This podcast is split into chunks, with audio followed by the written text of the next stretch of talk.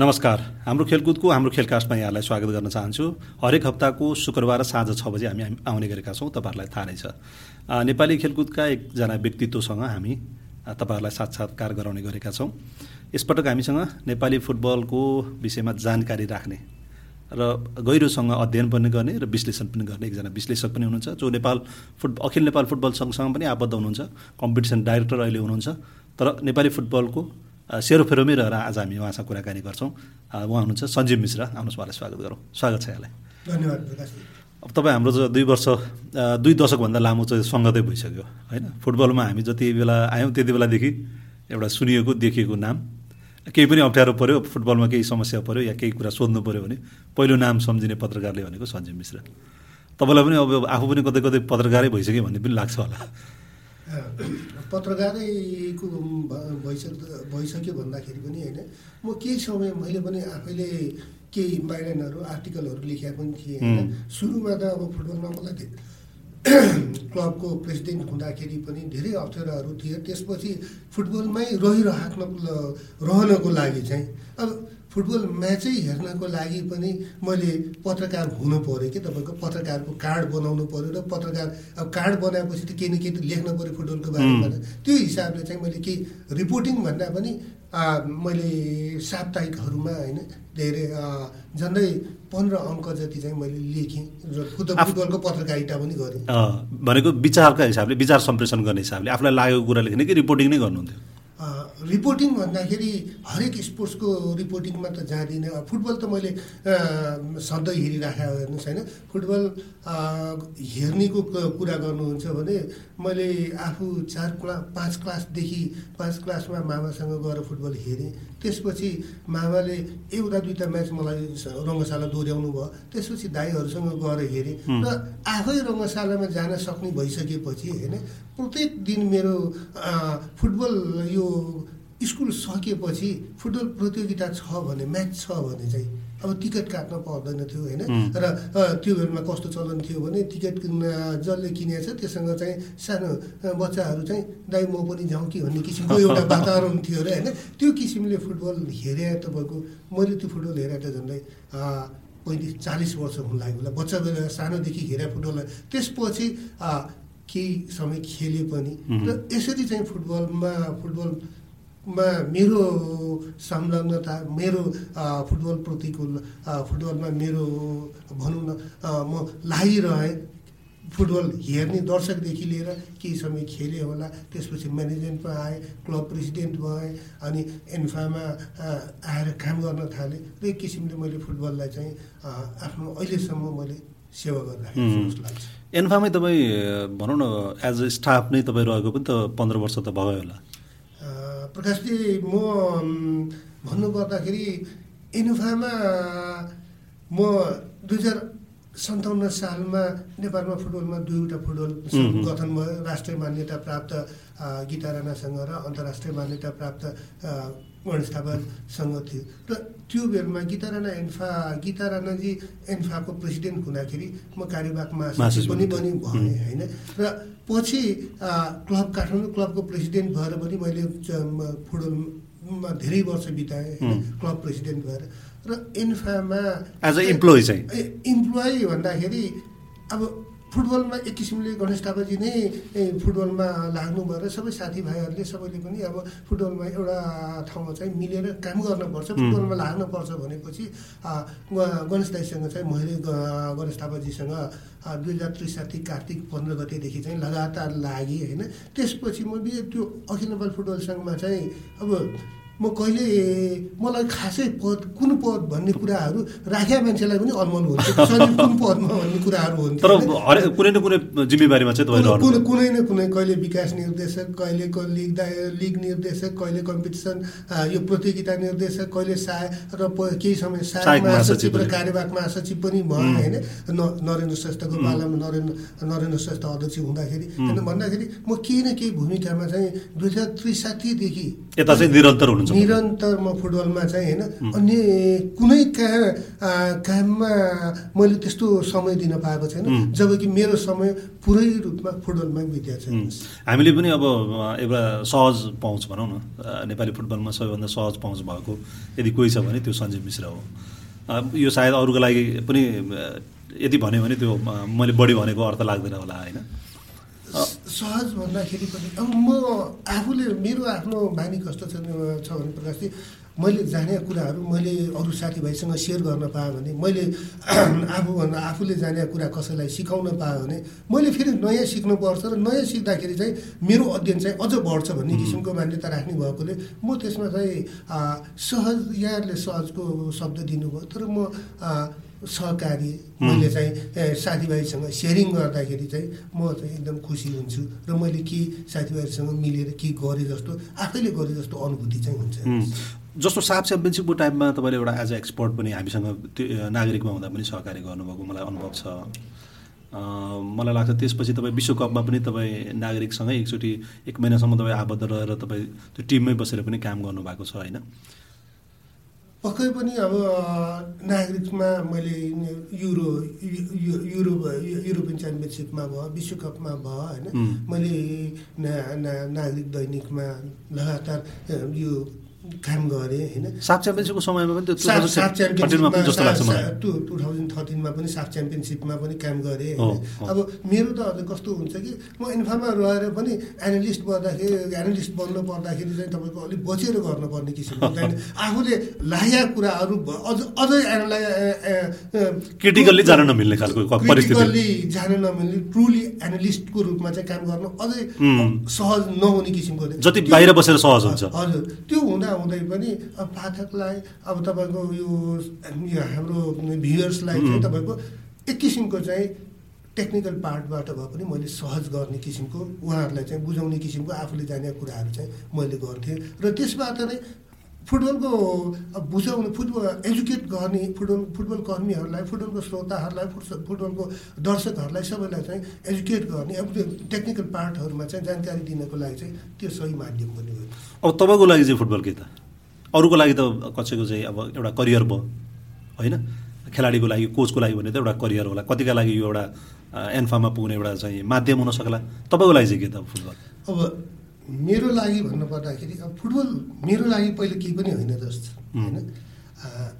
अब यस्तो समय यसरी बिते बित्यो कि प्रकाशजी अब अब फुटबल के हो भन्दाखेरि फुटबल मेरो लागि फुटबल के हो भन्दाखेरि अहिले त मेरो लागि फुटबल सबै थोक हो हेर्नुहोस् म एन्फामा रहे पनि नरहे पनि अब म आफ्नो जीवनकालमा चाहिँ आफ्नो जीवन छौन्जेल चाहिँ फुटबलबाट टाढा हुन चाहिँ सक्दिनँ हेर्नुहोस् होइन? अब मैले एकाडेमिकल्ली मैले अन्य काम कामहरू अब यो के तपाईँको अध्ययन यो आफ्नो अध्ययन सकाएँ होइन? मैले अध्ययन सकेपछि मैले विभिन्न पेसामा रोजगारी पनि गरेँ एउटा मैले सुर्खेतमा डेभलपमेन्ट अफिसरको रूपमा एक वर्ष काम गरेँ एउटा अफिसमा। अनि त्यसपछि आयल निगम नेपाल आयल निगममा झन्डै दुई वर्ष मैले सहायक प्रबन्धकको रूपमा काम गरेँ।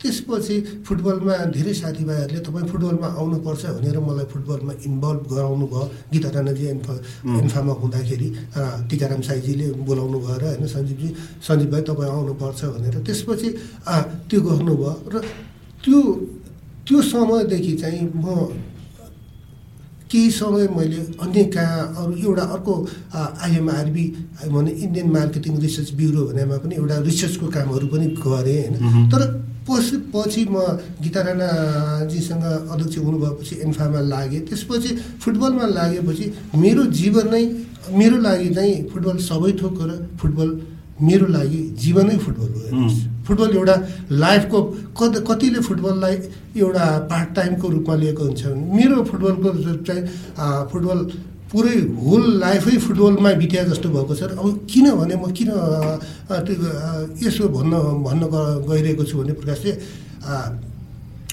फुटबल हुन्छ फुटबल प्रतियोगिता दूरदराजमा जहाँ भए पनि। अब एउटा उदाहरणको लागि बाजुरामा फुटबल भइराखेको छ मुगुमा फुटबल भइराखेको छ भने त्यहाँ टेक्निकल्ली प्रब्लम भयो भने त्यहाँका सांसदले त्यहाँका अन्य कहिले सिडिओले कहिले डिएसपीले कहिले यो कसैले त्यहाँ जिल्लाको मुख्य मानिसहरूले कर्न कर्नेलले होइन यो बारेमा के हो भनेर मसँग चिन्जान हुँदैन तर कहाँबाट फोन नम्बर लिएर मलाई कुनै पनि बेला फोन गर्छ हेर्नुहोस्। अनि म मेरो फोन म कहिले पनि अफ गर्दिनँ होइन। कहिले काहीँ अब बाटोमा हुँदाखेरि म अब गा गाडीमा हुँदाखेरि होइन यस्तो अप्ठ्यारो अवस्थामा म फोन उठाउँदिनँ होइन। नभए म सधैँ सबैको म कतिपय अवस्थामा कहिले कहिले काहीँ म फुटबलको फोनमा को को बोले भनेर म को बोल्नुभएको भनेर म सोध्दिनँ हेर्नुहोस् होइन। मैले जाने एन्सर चाहिँ दिन्छु उहाँहरूलाई चाहिँ होइन। को बोल्नुभएको भनेर सोध्दिनँ आफूले जाने आफ्नो विवेकले आफ्नो लागेका कुराहरू म उहाँहरूलाई स्पष्टसँग यस्तो हो मेरो मेरो बुझाइमा मेरो अनुभवले चाहिँ यो भन्छ भनेर म एन्सर दिन्छु। त्यस कारणले गर्दाखेरि मेरो मैले आफूले सकेका कुराहरू फुटबलको लागि चाहिँ म अफिसबाट गएर पनि घरमा फेरि फुटबलको के अध्ययन गर्ने फुटबलको के छ भने हेर्ने त्यो किसिमको हुँदाखेरि फुटबल जीवनै हो मेरो लागि चाहिँ। सबै थोक हो अहिले। यो फुटबल बाहेक जहाँ तपाईँले काम गर्नुभयो काहीँ एक वर्ष गर्नुभयो काहीँ दुई वर्ष गर्नुभयो फुटबलले जति खुसी तपाईँलाई अरूले दिएको दिएन त? होइन अब आर्थिक रूपमा आर्थिक रूपमा सम्पन्न हुनु र सम्पन्न हुनु नसक्नु बेग्लै कुरा हो। तर खुसीको कुरा त हुन्छ खुसीको कुरा त फुटबलमा जुन खुसी हो होइन त्यो चाहिँ मैले अन्त चाहिँ पाएको छुइनँ हेर्नुहोस् होइन। फुटबलकै कारणले होला होइन। मैले म आर्थिक रूपमा मैले कतिपय कामहरू गर्न चाहेर पनि मैले बिजनेस पनि गरेँ। एउटा तिमीहरूको बिजनेस गरेँ एउटा तपाईँको समिल एउटा काठमाडौँको गोलफुटारमा चाहिँ एउटा समिल पनि चलाएर बसेँ होइन। काठको बिजनेस पनि गरेँ हेर्नुहोस् होइन। तर साथीभाइले कहाँ समिल चलाएर बस्नुभएको तपाईँले फुटबलमै आउनुपर्छ त्यो मिल चलाएर बस्यो त्यो काठको काम मात्र गरिराखेको भयो भने म तपाईँको अहिले मसँग योभन्दा म दस गुणा सम्पन्न हुन्थ्यो। म म मलाई आफूले भौतिक भौतिक रूपमा आफूले खोजेका कुराहरू मेरो मैले आफूले सहज रूपमा चाहिँ प्राप्त गर्न सक्ने हुन्थेँ हेर्नुहोस् होइन। र अब मैले अध्ययन एमएससी तथ्याङ्क शास्त्रमा एमएससी गरेँ होइन? एमएससी गरेँ कति साथीभाइले तपाईँ एमएससी गरे मान्छे कहाँ फुटबलमा लागिराखेको एनजिओमा जानुपर्छ र क्याम्पस पढाउन जानुपर्छ भनेर भन्नुहुन्थ्यो। मैले केही समय पढाउन पनि पढाएँ होइन? केही समय एक दुई महिना पार्ट टाइम पढाएँ पनि। त्यसपछि होइन मलाई त भगवान्ले नै फुटबलमै लाग्नुपर्छ मेरो जीवनै मैले मैले कुनै न कुनै रूपमा सधैँ फेरि म फुटबलमा फुटबलमा लागिरहँदाखेरि चाहिँ फुटबलमा मलाई पद आवश्यकै छ भन्ने चाहिँ मलाई लाग्दैन। पद बिना पनि म सहयोग गर्न सेवा गर्न र आफूले जाने कुराहरू गर्न तयार भएको कारणले गर्दाखेरि यो फुटबलमा लाग्दाखेरि अब भनौँ न मैले दुई हजार अठारको विश्वकप हेरेँ होइन? दुई हजार बाइसको विश्वकप हेरेँ। दुई हजार यो त्यही चौबिसमा म तेइसमा महिला विश्वकप अस्ट्रेलिया गएर हेरेँ तर त्यो सबै फुटबलले दिएको हो मलाई। मेरो व्यक्तिगत रूपमा फुटबलको कारणले गर्दाखेरि धेरै साथीभाइहरूसँग मेरो जान पहिचान भयो र चिन्जान भयो र त्यो चिन्जानको आधारमा चाहिँ मैले त्यो अवसरहरू चाहिँ प्राप्त गर्न सकेँ होइन? र त्यो फेरि नेपालको फुटबल सङ्घलाई राष्ट्रिय खेलकुद परिषदलाई नेपालको मन्त्रालयलाई कसैलाई त्यो बात सहयोग लिएर त्यस्तो गरेर गएको होइन। अब फुटबलमा म लागेका कारणले मैले एक किसिमको फुटबलमा मलाई माया गर्ने साथीभाइहरूले चाहिँ रिवार्ड गरेका हिसाबले चाहिँ मैले त्यो अवसरहरू प्राप्त गरेँ त्यस कारणले म फुटबलमा होइन फुटबलमा म एकदमै खुसी छु होइन? र फुटबलमा म रहन पाउँदाखेरि अब मैले भने मेरो त जीवन यति बिर्स वर्ष भयो कि तपाईँको मैले झन्डै सक्रिय फुटबलमा लागेँ फुटबल म्यानेजमेन्टमा लागेँ तिस वर्ष भइसकेको छ हेर्नुहोस् होइन। कुनै न कुनै भूमिका कुनै कहिले म्यानेजर कहिले क्लबको अध्यक्ष कहिले एन्फामा कुनै पदमा रहेर लाग्यो तिस वर्ष अनवरत रूपमा मैले लागेँ होइन। त्यस कारणले गर्दाखेरि अहिलेको समयमा त तपाईँको बाइस वर्षमा एउटा मानिसले चाहिँ बिस बाइस वर्षमा चाहिँ क्यारियर चुज गर्छ र भविष्य खोज्या हुन्छ। तर हामी त एकरो रूपमा म त फुटबलमै लागिरहेको छु। त्यस कारणले गर्दाखेरि एउटा मलाई के लागेको छ भने कुनै पनि व्यक्ति जुन विषयमा जुन विधामा जुन त्यसमा लाग्यो त्यसमा चाहिँ भित्र मनदेखि लाग्यो भने चाहिँ अवश्य पनि सफल हुन्छ र रिवार्ड हुन्छ। एउटा न एउटा समयमा चाहिँ त्यो आफूले गरे लगानीको चाहिँ रिवार्ड हुन्छ। त्यसको चाहिँ रिटर्न पाउँछ भन्ने चाहिँ विश्वास गर्छु म। त्यस कारणले गर्दाखेरि आइएम सो ह्याप्पी तपाईँको भनेपछि कसरी कसरी तपाईँको कामलाई जजमेन्ट चाहिँ बाहिर बसेर भए पनि गरिरहेको हुन्छ भन्ने विश्वास गर्नुहुन्छ तपाईँ? एकदम म त भगवान्मा विश्वास गर्ने मान्छे प्रकाशजी पक्कै पनि भगवान्ले पनि विश्वास गरे भगवान्ले भगवान्को आशीर्वाद होइन? र त्यही किसिमले चाहिँ मैले गरेका कामहरूले गर्दा होइन तपाईँको साथीभाइहरूले चिन्जानु कसैले कसैले चाहिँ मेरो मूल्याङ्कन गरिरहेको हुन्छ। त्यसैले म एउटा के काम मैले गलत काम चाहिँ गर्न हुँदैन। मैले अब काम गर्दाखेरि सयवटा काम गर्दाखेरि मैले गरेको काम सबै सधैँ सही हुन्छ भन्ने छैन। कहिले गलत हुनु छैन। तर म जानी जानी चाहिँ कहिले पनि गलत फुटबलको लागि चाहिँ गलत काम चाहिँ गर्दिनँ। नियत राखेर नियत राखेर गर्दिनँ। तपाईँले भन्नुभयो यो कसै न कसैले हेर्दा एउटा तपाईँलाई म एउटा के सुनाउँछु भने एक दिन मैले अब दुई सन् दुई हजार दसको विश्वकपमा मैले यतिको टिभीहरूमा इन्टरभ्यू दिएँ एज एनालिस्टको रूपमा काम गरेँ कि दिनौँ पा पाँचवटा टिभी जतिमा सुटिङ गर्थेँ पाँच सातवटा टिभीमा सुटिङ गर्थेँ र हरेक दिन जस्तो जुन टिभी खोल्दाखेरि पनि मैले बोलिराखेको देख्थेँ र साथीभाइहरूले चाहिँ ओ कति सक्यो यो त सोह्र श्राद्धमा ब्राह्मणले श्राद्ध गर्न पुरो जतै जहाँ पनि गएको जस्तो भयो भनेर पनि हँसाउँथ्यो भन्थ्यो होइन। अनि त्यही कारणले होला होइन। एउटा एक दिन म न्यु रोडमा काठमाडौँ न्यु रोडमा हिँड्दै गएँ साथीहरूसँग जाँदै थिएँ।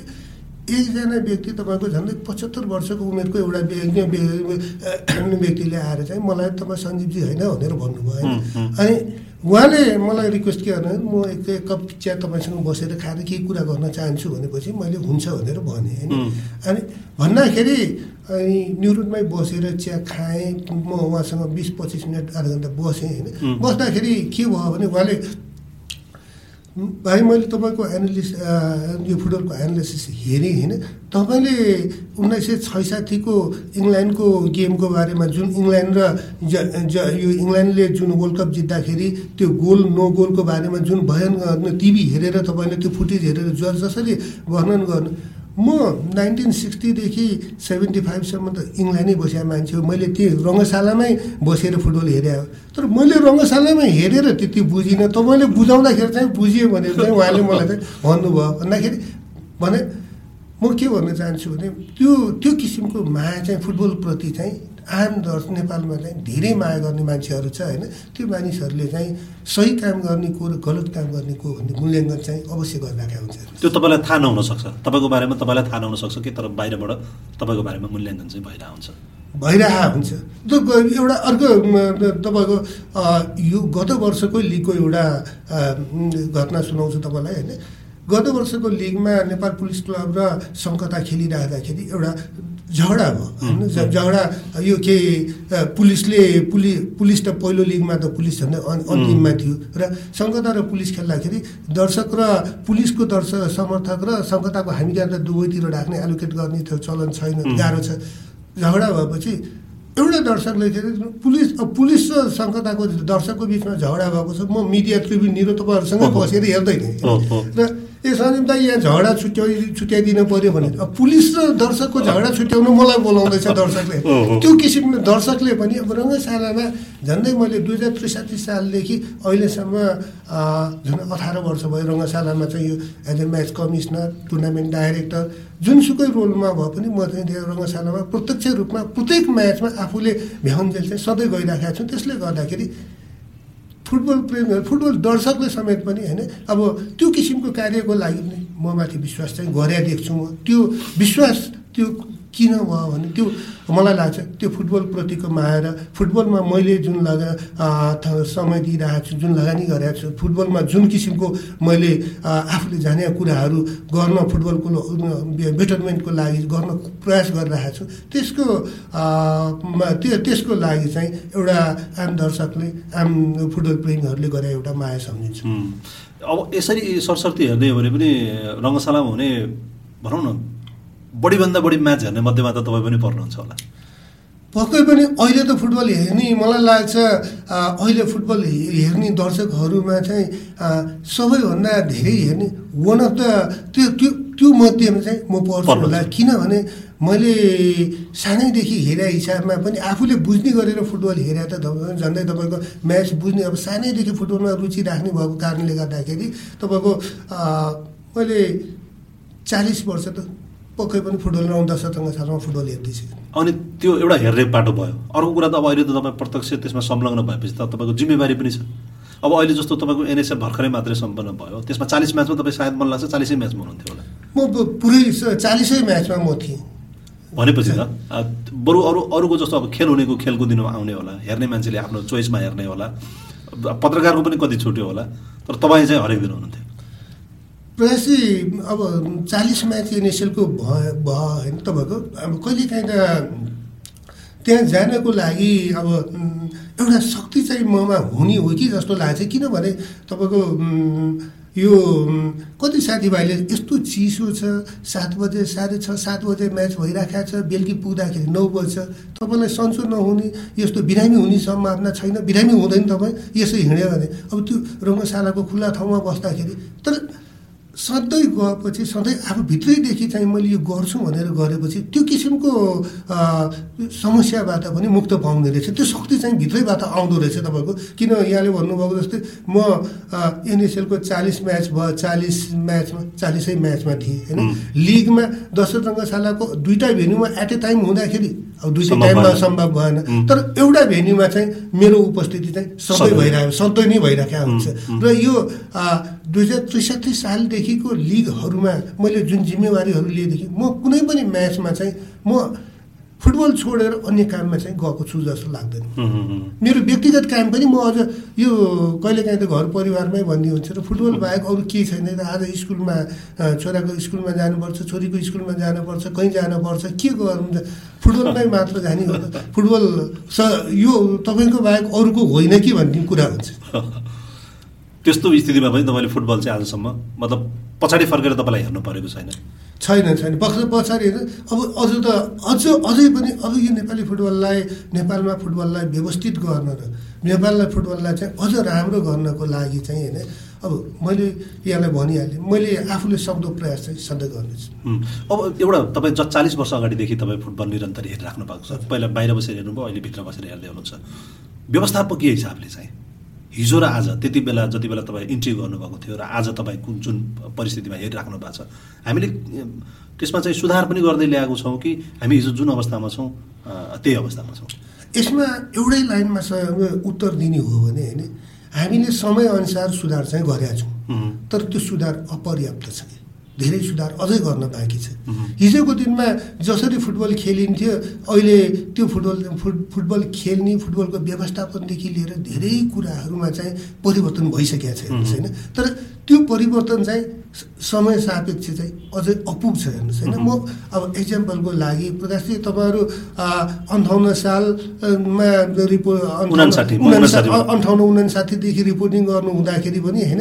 अब एउटा इक्जाम्पलको लागि फोर्ट अफिसियल बेन्चमा आएर चाहिँ तपाईँको फोर्ट अफिसियल गोललाई गोलको रिपोर्टिङ गोलको टाइमिङहरू लिने होइन कसले के भन्ने अनि कोचको प्लेयर बक्समा गएर क्याप्टेनको र कोचको भर्सन लिन जान पर्ने सिस्टम थियो भने पछि त्यसमा बिस्तारै सुधार हुँदै गएर म्याच समरीहरू निस्किने यो पोस्ट म्याच प्रेस कन्फरेन्स हुने अनि त्यो कुराहरू पत्रकारिताको लागि त्यो सहज सहज बातहरू भयो। पहिला न्युज आफैले लेखेर फ्याक्स गर्नु पर्थ्यो। मैले लेख थिएँ होइन? लेखेर सबै मिडिया हाउसहरूमा फ्याक्स गर्थेँ न्युजै फ्याक्स गर्थेँ हेर्नुहोस् होइन? अब अहिले आफूले मेल ग के कुराहरू इन मेल गर्दै गरे पुग्ने र अर्को तपाईँको पोस्ट म्याच प्रेस कन्फरेन्समै सबै कुराहरू भन्ने भएकोले त्यो किसिमको समस्याहरू रहन हेर्नुहोस् होइन। अब व्यवस्थापकीय हिजो टेक्निकल पार्टमा हेर्ने हो भने हिजोको दिनमा वार्मअपको समयहरू हुँदैन थियो हेर्नुहोस् होइन। वार्मअप कति बेला गर्ने कति बेला किकअप भन्ने हुँदैन थियो। अहिले एटलिस्ट काठमाडौँको म्याचेसहरूमा इन स्ट्यान्डर्ड काठमाडौँमा र देशको अन्य ठाउँमा पनि होइन स्ट्यान्डर्ड जुन एउटा स्तरीय टुर्नामेन्टहरू हुँदाखेरि चाहिँ किकअप टाइम जति हो त्यति त्यति बजे चाहिँ किकअप हुन्थ्यो। अब त्यो लाइभ टेलिकास्टले गर्दाखेरि पनि हुन्थ्यो होला होइन। अब त्यसरी परिवर्तन अब हिजोको दिनमा त तपाईँको फुटबल पाण्डव सुनवारले यो के कमेन्ट्री लिएर तपाईँको पुरुषोत्तम रेडियो नेपालमा त कमेन्ट्री हुन्थ्यो होइन। भने अब हरेक म्याचेसहरू लाइभ भइरहेको अहिले त डिजिटल लाइभ हुन्छ। अहिले फुटबल ग्लो फुटबललाई अहिले समयअनुसार फुटबल ग्लोबल भएको ग्लोबल्ली गएको छ हेर्नुहोस् होइन। अहिले हामी सानो एउटा टुर्नामेन्ट भए पनि स्कुलको टुर्नामेन्ट भए पनि फेसबुक लाइभ भइरहेको हुन्छ डिजिटल लाइभहरू भइरहेको हुन्छ र संसारभरि हेरिरहेको हुन्छ र हामी यहाँ दशरथ रङ्गशालामा दर्शक यो छैन भनेर गर्दाखेरि अस्ट्रेलिया र अमेरिकामा अर्को दर्शक चाहिँ त्यो फुटबललाई वेट गरिरहेको पर्खिरहेको हुन्छ त्यस कारणले गर्दा त्यो महत्त्वहरू त्यस किसिमको अनुभव पनि मसँग रहेको छ। हेर्नुहोस् र रङ्गशाला म्याच कहिले ढिलो हुँदाखेरि कहिले युएबाट कहिले कतारबाट कहिले अस्ट्रेलियाबाट किन म्याच ढिलो भएको? हामी त काम छोडेर बसिरहेको छौँ। कहिले काहीँ विविध कारणले दस पन्ध्र मिनट कुनै म्याच ढिलो हुनु गयो भने त्यो त्यस किसिमको प्रश्नहरू चाहिँ तेर्सिया हुन्छ हेर्नुहोस्। त्यस कारणले गर्दाखेरि समयअनुसारले सुधार चाहिँ नेपालको फुटबलमा चाहिँ भएको छ। अब हिजोको यो प्लेयरहरूको जर्सीदेखि लिएर तपाईँको अब बलहरूदेखि लिएर अब बल अहिले पहिला दुईवटा बलले फुटबल खेलाउन सक्थेन अहिले दस बाह्रवटा राख्नुपर्ने हुन्छ होइन? बाह्रवटा कम दसदेखि बाह्रवटा बल राखेको हुन्छ तपाईँको बलको प्रेसर डिटरमाइन गरे हुन्छ। हरेक कुराहरू बिफोर म्याच सबै कुराहरू हुनुपर्ने हुन्छ होइन? सबै कुराको एउटा चाहिँ त्यो सिस्टम चाहिँ बसिया छ होइन। अब यस्तो छ एन्फाले एउटा नीतिगत निर्णय गर्छ।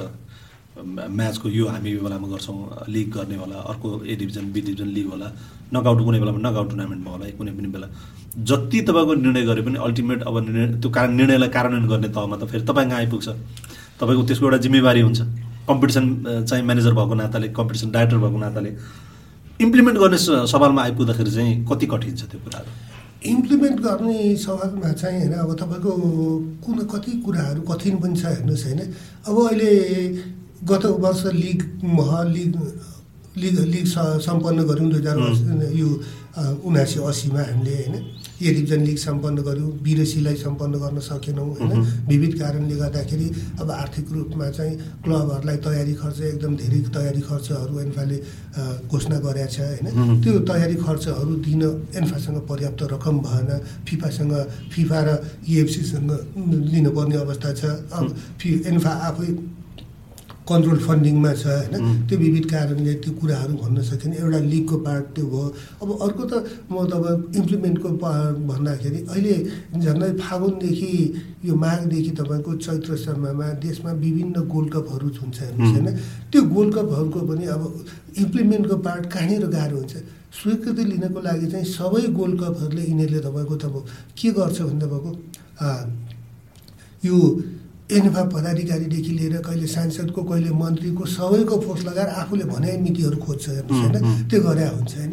तर त्यो किसिमको स्वीकृति एन्फाले स्वीकृति दिइसकेपछि त एउटा नियम त पालना गर्नुपर्ने हुन्छ अब फुटबल भने तपाईँको फुटबलको लजक गेममा चाहिँ अब मैदानमा घाँस हुनु पऱ्यो कि आर्टिफिसियल टप हुनु पऱ्यो तर म कतिपय अवस्थामा यहाँ देशको विभिन्न ठाउँमा त म घाँसै नभएको देख्छु होइन। त्यस किसिमले स्वीकृति दिइसकेपछि पनि अप्ठ्याराहरू छन् अनि कतिपय ठाउँमा चाहिँ तपाईँको यो गोल्ड कपहरूमा यो तपाईँको के भने यो फेल यो फिक्चरहरूदेखि लिएर प्रतियोगिता नियमावलीहरू राम्रो नहुने किक अफ टाइमहरू सही समयमा नहुने एकाध टुर्नामेन्टले अहिले आहार आहार गोल्ड कप भइरहेको छ यसमा के यो यसमा चाहिँ अब टाइमदेखि लिएर सबै पर्फेक्ट छ। के अन्य गोल्ड कपले पनि गरेको छ। अनि कतिपय गोल्ड कपमा त तपाईँको पुरस्कार राशि घोषणा हुने हेर्नुहोस् होइन। पुरस्कार पुरस्कार राशि नपाउने गुनासो पछि फेरि एन्फामा आइपुग्ने होइन। अब त्यो किसिमको अप्ठ्यारोहरू चाहिँ इम्प्लिमेन्टको पार्टमा चाहिँ छँदैछ हेर्नुहोस्। अब यो एउटा बाटो हो। अर्को बाटो चाहिँ मैले तपाईँसँग म्यानेजमेन्टको विषयमा कुरा गर्न खोजेको। तपाईँ आफू पनि काठमाडौँ क्लब चलाइसक्नु भएको। अब हामीले यसै कहिले काहीँ कुराकानी गर्दाखेरि नेपालको टप टप प्लेयरहरू पनि तपाईँले खेलाइसकेको। As a manager as a तपाईँको प्रेसिडेन्ट होइन। धेरै खेलाडीहरू तपाईँकोबाट पनि खेलेर जानुभएको छ। तपाईँको त त्यो खालको एउटा अनुभव पनि छ नि। आफू केही समय खेल्नुभयो त्यसपछि म्यानेजमेन्टमा आइपुग्नु भएको छ।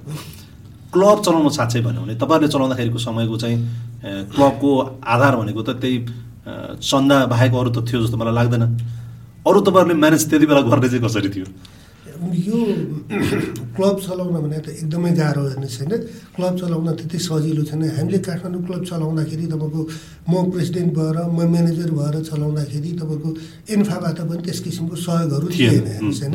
र काठमाडौँ क्लबले ए डिभिजन दुई हजार बाहन्न सालमा चौन्न सन्ताउन्न बैसाठी गरेर खेल्यो। तपाईँ पन्ध्र वर्ष ए डिभिजनमा रह्यो छै छयालिस सालमा ए डिभिजन आएर एकसाठी बैसाठी सालमा रेलिगेट भएको हेर्नुहोस् होइन।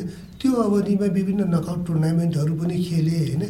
र गाह्रो यतिसम्म हुन्थ्यो कि अब भने सञ्जीव मिश्रसँग त सबै यो सबै अध्यक्ष पनि पिउनदेखि हाकिमसम्म सञ्जीव मिश्र यो काठमाडौँ क्लबको हो भन्ने पनि छ होइन? त्यो किसिमको आरोप पनि म माथि आएँ होइन? तर यति गाह्रो अरू जान नमान्ने अब प्रत्येक काठमाडौँको बेला पैँतिसवटा वडा हुन्थ्यो। अब वडा अध्यक्षहरूसँग एक हजार र दुई हजार लिनको लागि पनि द दसपल्ट धाउन पर्ने हुन्थ्यो। चन्दा लिन त्यो दुई सय पाँच सय रुपियाँ हरेक ठाउँमा फेरि काठमाडौँमा प्रत्येक पाइलामा क्लब हुन्थ्यो होइन? अब तपाईँ जमलदेखि त यो कालीमाटी पुल कालीमाटी पुल त्यो कालीमाटीसम्म आउनुभयो भने तपाईँको झन्डै नौ दसवटा ए डिभिजन क्लब थियो हेर्नुहोस् आरसिटी यो बालकुमारी मछिन्द्र बाल यो Annapurna Kathmandu club united boys sports सङ्घता NRT गरेर थुप्रै क्लबहरू थिए हेर्नुहोस् होइन त्यस कारणले गर्दाखेरि एउटा वडामा हाम्रै वडामा काठमाडौँ क्लब भएको वडामा कम्तीमा दसवटा क्लब हुन्थ्यो होइन? ए डिभिजन क्लब त काठमाडौँ क्लबको मात्र पहिचान भएन। त्यस किसिमको गाह्रोहरू म्यानेजमेन्टमा चाहिँ अब यदि कस हामी काठमाडौँ क्लबमा हुने? हामी त कहिले पनि प्लेयरलाई कन्ट्र्याक्ट गरेर तलब दिएर कहिले खेलाउन सकेनौँ बैसाठी सालसम्म लिग हुँदाखेरि। तर नसके पनि तपाईँको साठी सालको लिगमा चाहिँ कन्ट्र्याक्ट गरेर विदेशी अमेरिकन गोलकिपर ल्याएर अमेरिकन प्लेयर ल्याएर चाहिँ काठमाडौँ क्लबले खेलाउन सफल हेर्नुहोस् होइन र पैसै नभएको क्लबले पनि सन्ताउन्न सालमा चाहिँ तपाईँको भारतको जयनगरमा प्रिटमलाल गोल्ड कप भन्ने च्याम्पियन भयो हामी होइन? अनि यता सिरामा बिपी गोल्ड कप भन्ने च्याम्पियन भयो। दुई दिनमा दुईवटा गोल्ड कप च्याम्पियन भयो। पैसा नभएको रिलेसनकै आधारमा हामीले चाहिँ खेल्या भने छैन त्यो किसिमको भयो। पछि दुई हजार चौहत्तर सालमा काठमाडौँ क्लब बीमै भइरहेको दुई हजार त्रिहत्तर सालमा काठमाडौँ क्लब बी डिभिजनमै हुँदाखेरि नर्वेमा पहिलो क्लब हो। काठमाडौँ क्लब जुन कि नर्वेमा तपाईँको महिला फुटबल टिम चाहिँ सहभागी भयो। हाम्रो र त्यस किसिमको विश्वास अन्तर्राष्ट्रिय स्तरबाट पनि भयो। अब जेन्युन काम गर्दाखेरि होइन त्यो किसिमको हुँदो रहेछ। तर म्यानेजमेन्ट एकदम गाह्रो अब यहाँले सोध्नुभएको कुरामा चाहिँ अब म कहाँनिर यो कुरा गाह्रो कसरी छ भने म्यानेजमेन्ट गाह्रो भयो अहिले चाहिँ तपाईँको इन्फाले अहिले यो डिभिजन क्लबलाई साढे बत्तिस लाख रुपियाँ दिन्छ। तयारी खर्च। तयारी खर्च होइन तर त्यो तयारी खर्च हिजोको दिनको भन्दा त्यो द धेरै राम्रो हो होइन? धेरै सहज त भएको छ। तर त्यो पैसाले अहिलेको यो डिभिजन क्लबलाई खासै केही पुग्नु धान्नलाई सक्दैन होइन? तर यो ए डिभिजन क्लबहरूले सधैँ and A division B division C division क्लबहरूले अबको समयमा चाहिँ तपाईँको यो एन्फाको पैसा र आफूले अन अन्य स्रोतबाट चाहिँ पैसा आर्जन गर्न नसक्ने कलेक्ट गर्नु सङ्कलन गर्न नसक्ने हो भने फुटबल चाहिँ अहिले साथीभाइहरूले जुन किसिमले मिहिनेत गरेर चलाइराख्नु भएको छ ए डिभिजनको क्लबका साथीहरूले बी डिभिजन सी डिभिजनका त्यो प्रत्येक हरेक दिन गाह्रो हुँदै गएको छ हेर्नुहोस् होइन अब एसिया र अफ्रिकामा धेरै जस्तो क्लबहरू यो स्थितिमा रहेको कारणले गर्दाखेरि नै यो फिफाले इएफसीले क्लब लाइसेन्सिङको कुराहरू यिनीहरू ल्याएको छ। त्यो क्लब लाइसेन्सिङको कुरा भने तपाईँको खासै भन्ने हो भने चाहिँ क्लबलाई फुटबलिङ कल्चरमा ढाल्ने एउटा चाहिँ मोडलमा जाने। मोडलमा जाने एउटा चाहिँ तरिका हो। हो तरिका हो होइन? त्यस कारणले अब त्यो तरिका चाहिँ अब अवल अवलम्बन गर्नु चाहिँ भन्नुभएको छ। व्यवस्थापन गाह्रो चाहिँ तपाईँको यतिसम्म गाह्रो कि प्लेयरहरूलाई पैसा दिन पनि होइन अब प्लेयरलाई पैसा दिन त तपाईँको सधैँ नसक्ने भएपछि प्लेयरलाई राम्रो बोल्न त पर्ने भयो। खराबै खेल्यो पनि एकदम हाँसेर नमाया गर्न पर्ने र प्लेयरलाई कहिले पनि गाली गर्न नहुने होइन। र प्लेयरसँग प्लेयर कोच सबैसँग चाहिँ एक किसिमको चाहिँ होइन अब दिन अब के दिन सक्ने त त्यो मिठो बोली वचन त दिन पऱ्यो नि। राम्रो खेला छ राम्रो हुँदैछ भन्ने किसिमको आश्वासन र त्यो चाहिँ माया चाहिँ सधैँ गर्न पर्ने हुन्छ। क्लब पैसा नहुने क्लबमा त्यो त एकदमै आवश्यक हुन्छ। मेरो भोगाइ चाहिँ त्यो त्यहाँनिर त्यस्तो रहन्छ। अझ तपाईँलाई एउटा अर्को सेयर हाम्रो त प्रशिक्षक मेरो अब कजन मेरो हुनुहुन्छ होइन? मेरो मेरियनहरूले त छिनछिनमा अब प्लेयरलाई त गाली गरेर होइन ल खेल्न पाउँदैन अझ जसा भने मैले फेरि होइन त्यो कोच अब मेरो मेरियन दाइले भने पनि नगर्नु चुप लागेर बस्नु अब माया गरेर त्यो कोचले त गाली गरिहाल्छ भने फगाउनु पर्ने किसिमको अवस्था रहन्थ्यो हजुर। अब मैले तपाईँसँग अर्को जान्न खोजेको कुरा चाहिँ हामी कहाँ काठमाडौँमा त कल्चर फुटबलको कल्चर एकदमै राम्रो होइन। तपाईँको सहरै बन्द गरेर पनि रङ्गशाला पुगेर रङ फुटबल हेर्ने कल्चर थियो भन्ने हामीले त त्यो देख्न पाएनौँ। हामीले देख्दा पनि थियो थ्री स्टारको मनाङको एउटा फ्यान फलोइङ त एकदम राम्रो थियो। तर त्योभन्दा अगाडि चाहिँ हामीले अघिल्लो पुस्तामा कुरा गर्ने हामीभन्दा अगाडिको पुस्ता तपाईँहरूले जान्दाखेरिको होला सायद। सङ्कटा खेल्दाखेरि होस् या आरसिटी खेल्दाखेरि होस् या सहरको जुन भित्री सहरको क्लबहरू खेल्दाखेरि चाहिँ सबै पसलहरू ढोकाहरू बन्द हुन्थ्यो अरे सहर नै बन्द हुन्थ्यो अरे भन्थ्यो। त्यो बेलाको अलिकति सिनेरियो कस्तो हुन्थ्यो मलाई अलिकति बताउनु। त्यो बेलामाको सिनारी कस्तो हुन्थ्यो भने अब एनआरटी भनेपछि न्युरो टिम भने न्युरोडको अहिले का एनआरटीको अफिस त काठमाडौँ खेल मण्डल हुने आर अस्पतालसँगै छ होइन? तर एनआरटी भनेपछि न्युरोडको भयो होइन? अब शङ्कदा भनेपछि न्युरोडभित्रकै त्यो देवाल मन्दिर शङ्कदा मन्दिरको भयो र आरसिटी एउटा आरसिटी अन्नपूर्ण भनेपछि आरसी अन्नपूर्ण भगवान् त्यो असन चोकमा अन्नपूर्ण छ र आरसिटी रानीपोखरी कर्नर टिम भनेर थियो। अहिले बिल्डिङ त्यहीँनिर छ होइन। र एउटा समयमा चाहिँ तपाईँको आरसिटीको सातवटा टिम थियो हेर्नुहोस्। आरसिटी अन्नपूर्ण र सुपर आरसिटी गरेर तिनवटा क्लब त ए डिभिजनमा एक सिजनमा थियो हेर्नुहोस् होइन। सङ्गताको पनि एकचोटि दुईवटा क्लब थियो। ए सङ्गताको पनि भएको थियो। ए डिभिजनमै दुईवटा क्लब भएको थियो। र एनआरटीको पनि योङ एनआरटी र एनआरटी गरेर दुईवटा क्लब भएको थियो होइन। त्यस कारणले गर्दाखेरि त्यो किसिम र अधिकांश प्लेयर चाहिँ लोकल हुन्थ्यो त्यो बेलामा मनो फुटबल तपाईँको कस्तो हुन्थ्यो कि आफ्नै टोलवासीहरू सबै चाहिँ सबै घरको मानिसले फुटबल खेल्नै जानुपर्ने जस्तो किसिमको एउटा सबै त्यो भनेको चाहिँ फुटबल खेलाडी नै धेरै भएको कारणले क्लब धेरै भन्नु क्लब खेलाडी धेरै भएको कारणले गर्दाखेरि नै यो क्लब क्लब क्लब बन्न पर्ने। अब यतिसम्म कि अब असन इन्द्रचोक अब इन्द्रचोकमा अर्को क्लब थियो होइन? अब तपाईँले सुन्नुभएको छ कि छैन यो नगल टोल टिम भन्ने यनतिति भन्ने पनि ए डिभिजनमा एक वर्ष थियो हेर्नुहोस् तपाईँ। उता यो ज्यादातिरको होइन? ज्या नगलको। अनि बाल बालकुमारी खेल मण्डल भन्ने यो डिभिजनमा क्लब थियो। आरसिटी र अहिले मछिन्द्र बाल भएको ठाउँभन्दा बिचमा बालकुमारी मन्दिर नै बालकुमारी थियो यो डिभिजनमा आरसिटी अन्नपूर्ण बालकुमारी अब मछिन्द्र त्यो बिमा थियो अनि स्टार क्लब थियो हेर्नुहोस् किलागलमा थियो होइन? स्टार अनि इन्द्रचोक थियो दिदी यो क्वालिफायर खेल्ने दिदी डिभिजन थियो डी पनि थियो त्यो बेलामा होइन? अनि यता फेरि युवा समाज भनेर मा बौद्ध मा युवा समाज भनेर यो रञ्जना निरो थियो हेर्नुहोस् होइन? अनि मित्र युवा भनेर महाबौद्धमा थियो अर्को क्लब थियो सी डिभिजनमा थियो होइन? त्यो किसिमले हरेक पाँच घर उता गएपछि नै अर्को क्लब हुन्थ्यो र तर खेलाडीहरू पनि प्रायः जस्तो आफ्नै ठाउँको नभए पनि त्यो काठमाडौँ वरिपरि अझै टुँडखेलभित्रकै हुन्थ्यो होइन। टुँडखेलभन्दा बाहिर कोर एरियाभन्दा बाहिरको चाहिँ टिमहरू चाहिँ एकदमै कम थियो हेर्नुहोस्। कम पनि टिम पनि कम खेलाडी पनि कम। खेलाडी पनि कम थियो। अब यता अलि सहरभन्दा बाहिर भने तपाईँको बोइज युनियन हुन्थ्यो होइन? बोइज युनियन त्रिपुरा शर्मा थियो र अर्को कुपन्डोल र जाउला खेल थियो हेर्नुहोस् होइन? त्यो किसिमको थियो र प्रत्येक र फुट अर्को अन्य साधन अब काठमाडौँमा त्यो फुटबल हेर्न भनेर तपाईँ कस्तो हुन्थ्यो कि कि तपाईँको पैसा भएको अलिक पैसा भएको मान्छेले त्यो फिल्म हेर्न जाने फिल्म हल पनि तपाईँको दुई तिनवटा मात्र थियो हेर्नुहोस् होइन। जय नेपाल रञ्जना। जय नेपाल विश्वज्योति र अशोक सिन्हा। त्यो चारवटा हल थियो कुमारी त पछि बने हो होइन। त्यस किसिमले सिनेमा हल पनि थिएन होइन? अनि मनोरञ्जनको साधन फुटबल मनोरञ्जनै के बात गर्ने भने फुटबल खेलेर हेरेर टुडी खेलमा तपाईँको यस्तो कि अहिले टुडी खेलमा चाहिँ यो स्थापित क्लबहरूले मात्र तपाईँको ठाउँ पाउँथ्यो प्र्याक्टिस गर्नलाई ठाउँ पाउँथ्यो र नयाँ गएको यो सानतिनो खेलाडीहरूले सा भर्खरको सुरु गरेरहरूले क्लबहरूले चाहिँ त्यहाँ खेल्न पाउँदैन। थियो त्यहाँ नअताएर चाहिँ यो सानो टुँडी खेल भनेर त्यो अहिले आर्मीले अकुपाई गरेर आर्मीको ठाउँ जुन छ होइन त्यहाँ चाहिँ सानो टुँडी खेलमा केही क्लबहरू एक दुईवटा क्लब त्यहाँ गएर पनि खेल्थ्यो अनि यता खुल्ला मञ्चमा अहिलेको खुल्ला मञ्चमा पनि केही क्लबले गर्थ्यो आरसिटी यिनीहरूले होइन। भन्दाखेरि त्यो किसिमको पुरै यो टुँडी खेलमा चाहिँ यो कुनै पनि ठाउँ चाहिँ खाली हुँदैन थियो र एउटा टिम खेलिराख्दा बसिरह्यो भने बलले ला यो आएर लाग्छ कि भन्ने समस्या हुन्थ्यो होइन। त्यो किसिमको त्यहाँ चाहिँ फुटबलको क्रेज चाहिँ काठमाडौँमा थियो होइन। र यो तपाईँले जान्दाखेरिको मैले मैले त्यो त्यो फुटबल चाहिँ मैले हेरेको छु होइन? त्यो त्यस त्यस किसिमको फुटबल चाहिँ मैले हेरेको छु। र मैले अर्को काठमाडौँमा जुन क्रेज त्यो बेलामा थियो अहिले बाहिर काठमाडौँभन्दा बाहिर त्यही किसिमको क्रेज चाहिँ छ। फुटबललाई एउटा फेस्टिभलको रूपमा हरेक चाड पर्वको सँगसँगै चाहिँ फुटबल भइरहेको तिज पर्व भन्नुहोस् दसैँ भन्नु तिहार भन्नुहोस् होइन? तपाईँको माघे सङ्क्रान्ति भन्नु होइन? जुनसुकै पर्वहरूको सँगसँगै चाहिँ जुन ठाउँमा जुन नेपाल भौगोलिक रूपमा जुन विविधता छ नेपालमा जुन सांस्कृतिक रूपमा यहाँ धेरै जात जाति धेरै संस्कृतिहरू छ होइन?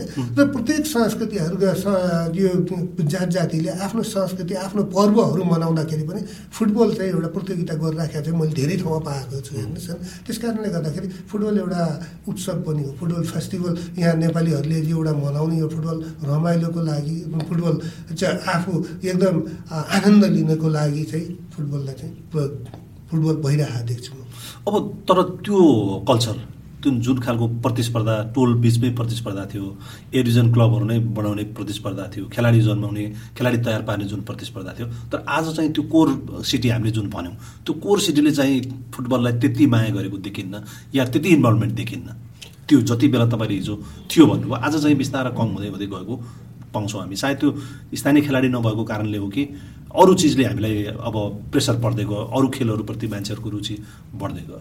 पक्कै पनि अहिले समयअनुसारले चाहिँ मैले अघि पनि भने बिस बाइस वर्षमा नै अब क्यारियर के गर्ने भन्ने कुरा अहिलेको जेनेरेसनले त्यो किसिमको डिसिसनहरू लिइसकेका हुन्छ। त्यस कारणले गर्दाखेरि एउटा कुरा हो। अर्को हिजोको दिनमा काठमाडौँमा सबै थोक थियो बाहिर काठमाडौँ देशको अन्य सहरहरूमा केही पनि थिएन हेर्नुहोस् होइन। अहिले चाहिँ त्यो सबै सिफ्ट भएको छ हेर्नुहोस् होइन। अहिले बि अन्य सहरहरूमा यो क्रेजहरू चाहिँ काठमाडौँको क्रेज चाहिँ बाहिर गएको छ हेर्नुहोस् होइन। अहिले लगानी गर्न पनि प्रतियोगिताहरू पनि यिनीहरू हरेक कुराहरू चाहिँ काठमाडौँभन्दा बाहिर सिफ्ट भइरहेको छ। त्यसले गर्दाखेरि पनि यो जुन काठमाडौँको जुन क्रेज छ अहिलेको समयमा त्यो सम्भवै हुने कुरा हो भने त्यो किसिमको म्यान पावर पनि रहँदैन त्यो किसिमको आर्थिक रूपमा पनि अर्थ अर्थ सङ्कलन गर्न पनि सक्दैन आर्थिक सङ्कलन गर्न पनि सकिँदैन र त्यो किसिमको क्रेज अहिले भित्राउन चाहिँ धेरै गाह्रो हुन्छ। त्यो भनेर चाहिँ काठमाडौँमा क्रेज हराएको चाहिँ होइन हेर्नुहोस् होइन। एनएसएलको फाइनलमा अहिले अहिले आएर चाहिँ त्यो पहिलाको क्रेज कहाँनिर रहेको छ भने अहिले पक्क पहिला जुन किसिमको एउटा कम्युनिटीमा असनको कम्युनिटी र यो काठमाडौँ गणेश स्थानीयको कालीमाटीको कम्युनिटी बिचमा एक किसिमले त्यो दुईवटा खेले दुई खेल्यो भने चाहिँ खेल्दाखेरि भनौँ न अब आरसीतिर एनआरटी खेल्दाखेरि जुन क्रेज हुन्छ एनआरटी र एनआरटीको दर्शकलाई त्यस छुट्टिन्छ। अहिले चाहिँ त्यो किसिमको दर्शकलाई अहिले चाहिँ त्यसलाई चाहिँ त्यो चाहिँ परिमार्जित भएको छ। अहिले त तपाईँ धनगढी एफसी र ललितपुर एफसी फाइनल खेल्दाखेरि त दुईवटा सिटी होइन तपाईँको। ललितपुर एउटा र र के माया पायो भने ललितपुरको फुटबल त हेर्नुपर्छ भन्ने मान्यता चाहिँ धेरैमा पाएँ अनि ललितपुरसँग खेल्दाखेरि सुदूरपश्चिममा रहेका सुदूर काठमाडौँमा रहेका सुदूरपश्चिमका सबै जस्तोले चाहिँ धनगढीलाई सपोर्ट गर्न हामी जानुपर्छ भन्ने किसिमको माने त्यसैले त्यसको चाहिँ त्यसको त्यो त्यो त्यो स्वरूप चाहिँ परिवर्तन भएको छ। तर अब यस्तो छ नि त तपाईँको हामीले जुन खालको अभ्यास अहिलेसम्म गर्दै आइरहेका छौँ दुई हजार एघार सालदेखि हाम्रो लिग सुरु भएको इतिहास छ। यो क्रममा हामीले चालिस संस्करणभन्दा बढी गरिसक्यौँ होइन? तर हामीले के भने त्यो परम्परागतै शैलीलाई अहिले पनि ए डिभिजनलाई हेर्ने भने त्यो एउटा एउटा आरोप पनि लाग्ने गर्छ कि काठमाडौँ क्लब के अरे काठमाडौँ लिग हो यो ए डिभिजनको लिग भन्ने आरोप पनि त छ नि। जुन एनएसएलको मोडलमा गएको छ त्यसको बारेमा हामी फेरि चर्चा गरौँला। तर जसरी हामीले चाहिँ प्रया अभ्यास गर्दै आइरहेका छौँ यो सत्तरी वर्षमा पनि हामीले हेर्ने भने त समयअनुसार केही परिवर्तन भयो होला। तर हामीले फुटबललाई अझै विकेन्द्रीकरण गर्न सक्ने परिस्थितिमा त अझै पनि बनेको देखिँदैन नि त फेरि। होइन अहिलेको हिसाबमा परिवर्तन गर्नु गर्नको लागि चाहिँ म केही कुराहरू मैले क्लबको साथीहरूलाई पनि मिटिङमा भनेको छु इन्फामा पनि भनेको छु। पक्कै पनि अहिले समयअनुसारले चाहिँ यो क्लबहरू चाहिँ सबै काठमाडौँमै भएर चाहिँ हुँदैन हुँदैन होइन? र यसलाई चाहिँ बिस्तारै चाहिँ परिवर्तन गर्न चाहिँ पर्छ। यसको चाहिँ तरिका चाहिँ फेरि फरक पनि हुनसक्छ होइन? ओनर काठमाडौँको भएर काठमाडौँकै क्लब पनि हुनसक्छ। तर ती क्लबले चाहिँ आफ्नो मैदानहरू चाहिँ आफ्नो होम ग्राउन्डको रूपमा चाहिँ देशमा मेचीदेखि महाकालीसम्म त हाम्रो सातवटा प्रदेशमा जुन किसिमले धेरै प्रदेशहरूमा ग्राउन्ड छ एउटा एउटा क्लबले एउटा एउटा काठमाडौँ क्लब काठमाडौँकै रहोस् ओनर पनि काठमाडौँकै रहोस् नाम पनि काठमाडौँकै रहोस् तर विभिन्न सहरहरूसँग टाइप गरेर होइन होम ग्राउन्ड बनाएर त्यहाँका मान्छे मानिसहरूलाई प्रिसिजन गरेर चाहिँ दुई चारवटा सहरमा चाहिँ फुटबल खेल्ने त्यहाँ ठाउँमा चाहिँ तपाईँ त्यो जुन ठाउँमा खेल्न गयो त्यो ठाउँमा चाहिँ त्यहाँको स्थानीयहरूलाई पनि सँगै ट्रेनिङ प्रशिक्षण गराएर त्यो क्रेज चाहिँ लिने त्यो आफ्नो आफ्नो पछिमा फ्यान बिल्डअप गर्ने। र प्रत्येक देशको विभिन्न ठाउँमा अहिले त फ्यान बनाउन सजिलो छ। अहिले यो अहिलेको सोसियल मिडिया सोसियल मिडिया यिनीहरूले गर्दाखेरि एकदम सजिलो छ। अब हरेक क्लबले चाहिँ फ्यानहरू कम्तीमा पनि मेचीदेखि महाकालीसम्म पूर्वदेखि पश्चिमसम्म चाहिँ कम्तीमा आठ दस हजार फ्यान बनाउन सक्यो भने टिकट सेल हुन्छ। र तपाईँको होम ग्राउन्ड गर्नको लागि आफ्नो जुन ठाउँमा बेस राम्रो हुन्छ त्यो ठाउँ गर्ने होइन। त्यस किसिमको परिवर्तनहरू गरेर एउटा परिवर्तन चाहिँ गर्न सकिन्छ त्यो त एउटा एउटा पाटो तपाईँले भने अर्को त अर्को म के भन्छु भने त्यो होइन भने होइन?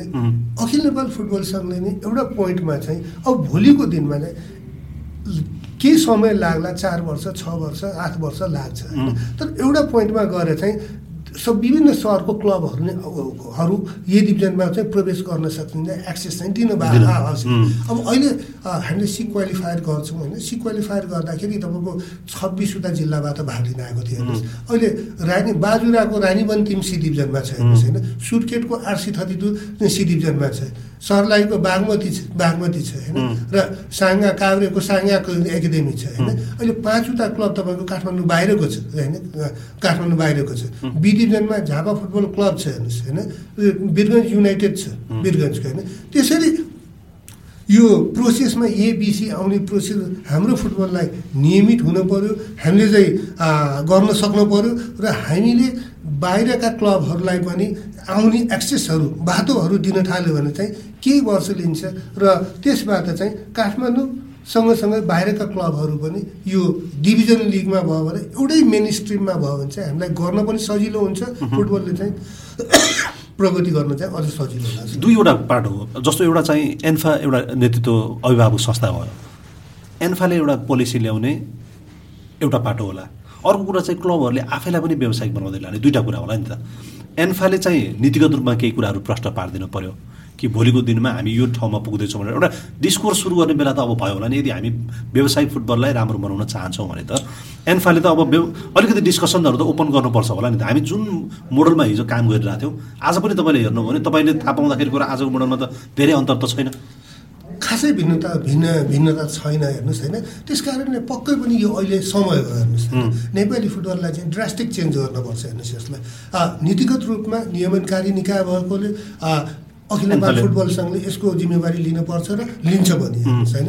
र अखिल नेपाल फुटबल सङ्घले नीतिहरू केही चेन्ज गरेर क्लबहरूसँग पनि सरसल्लाह क्लबसँगै मात्र पनि होइन अन्य स्टेक होल्डर फुटबलमा विभिन्न स्टेक होल्डर होल्डरहरूको संलग्नता छ होइन?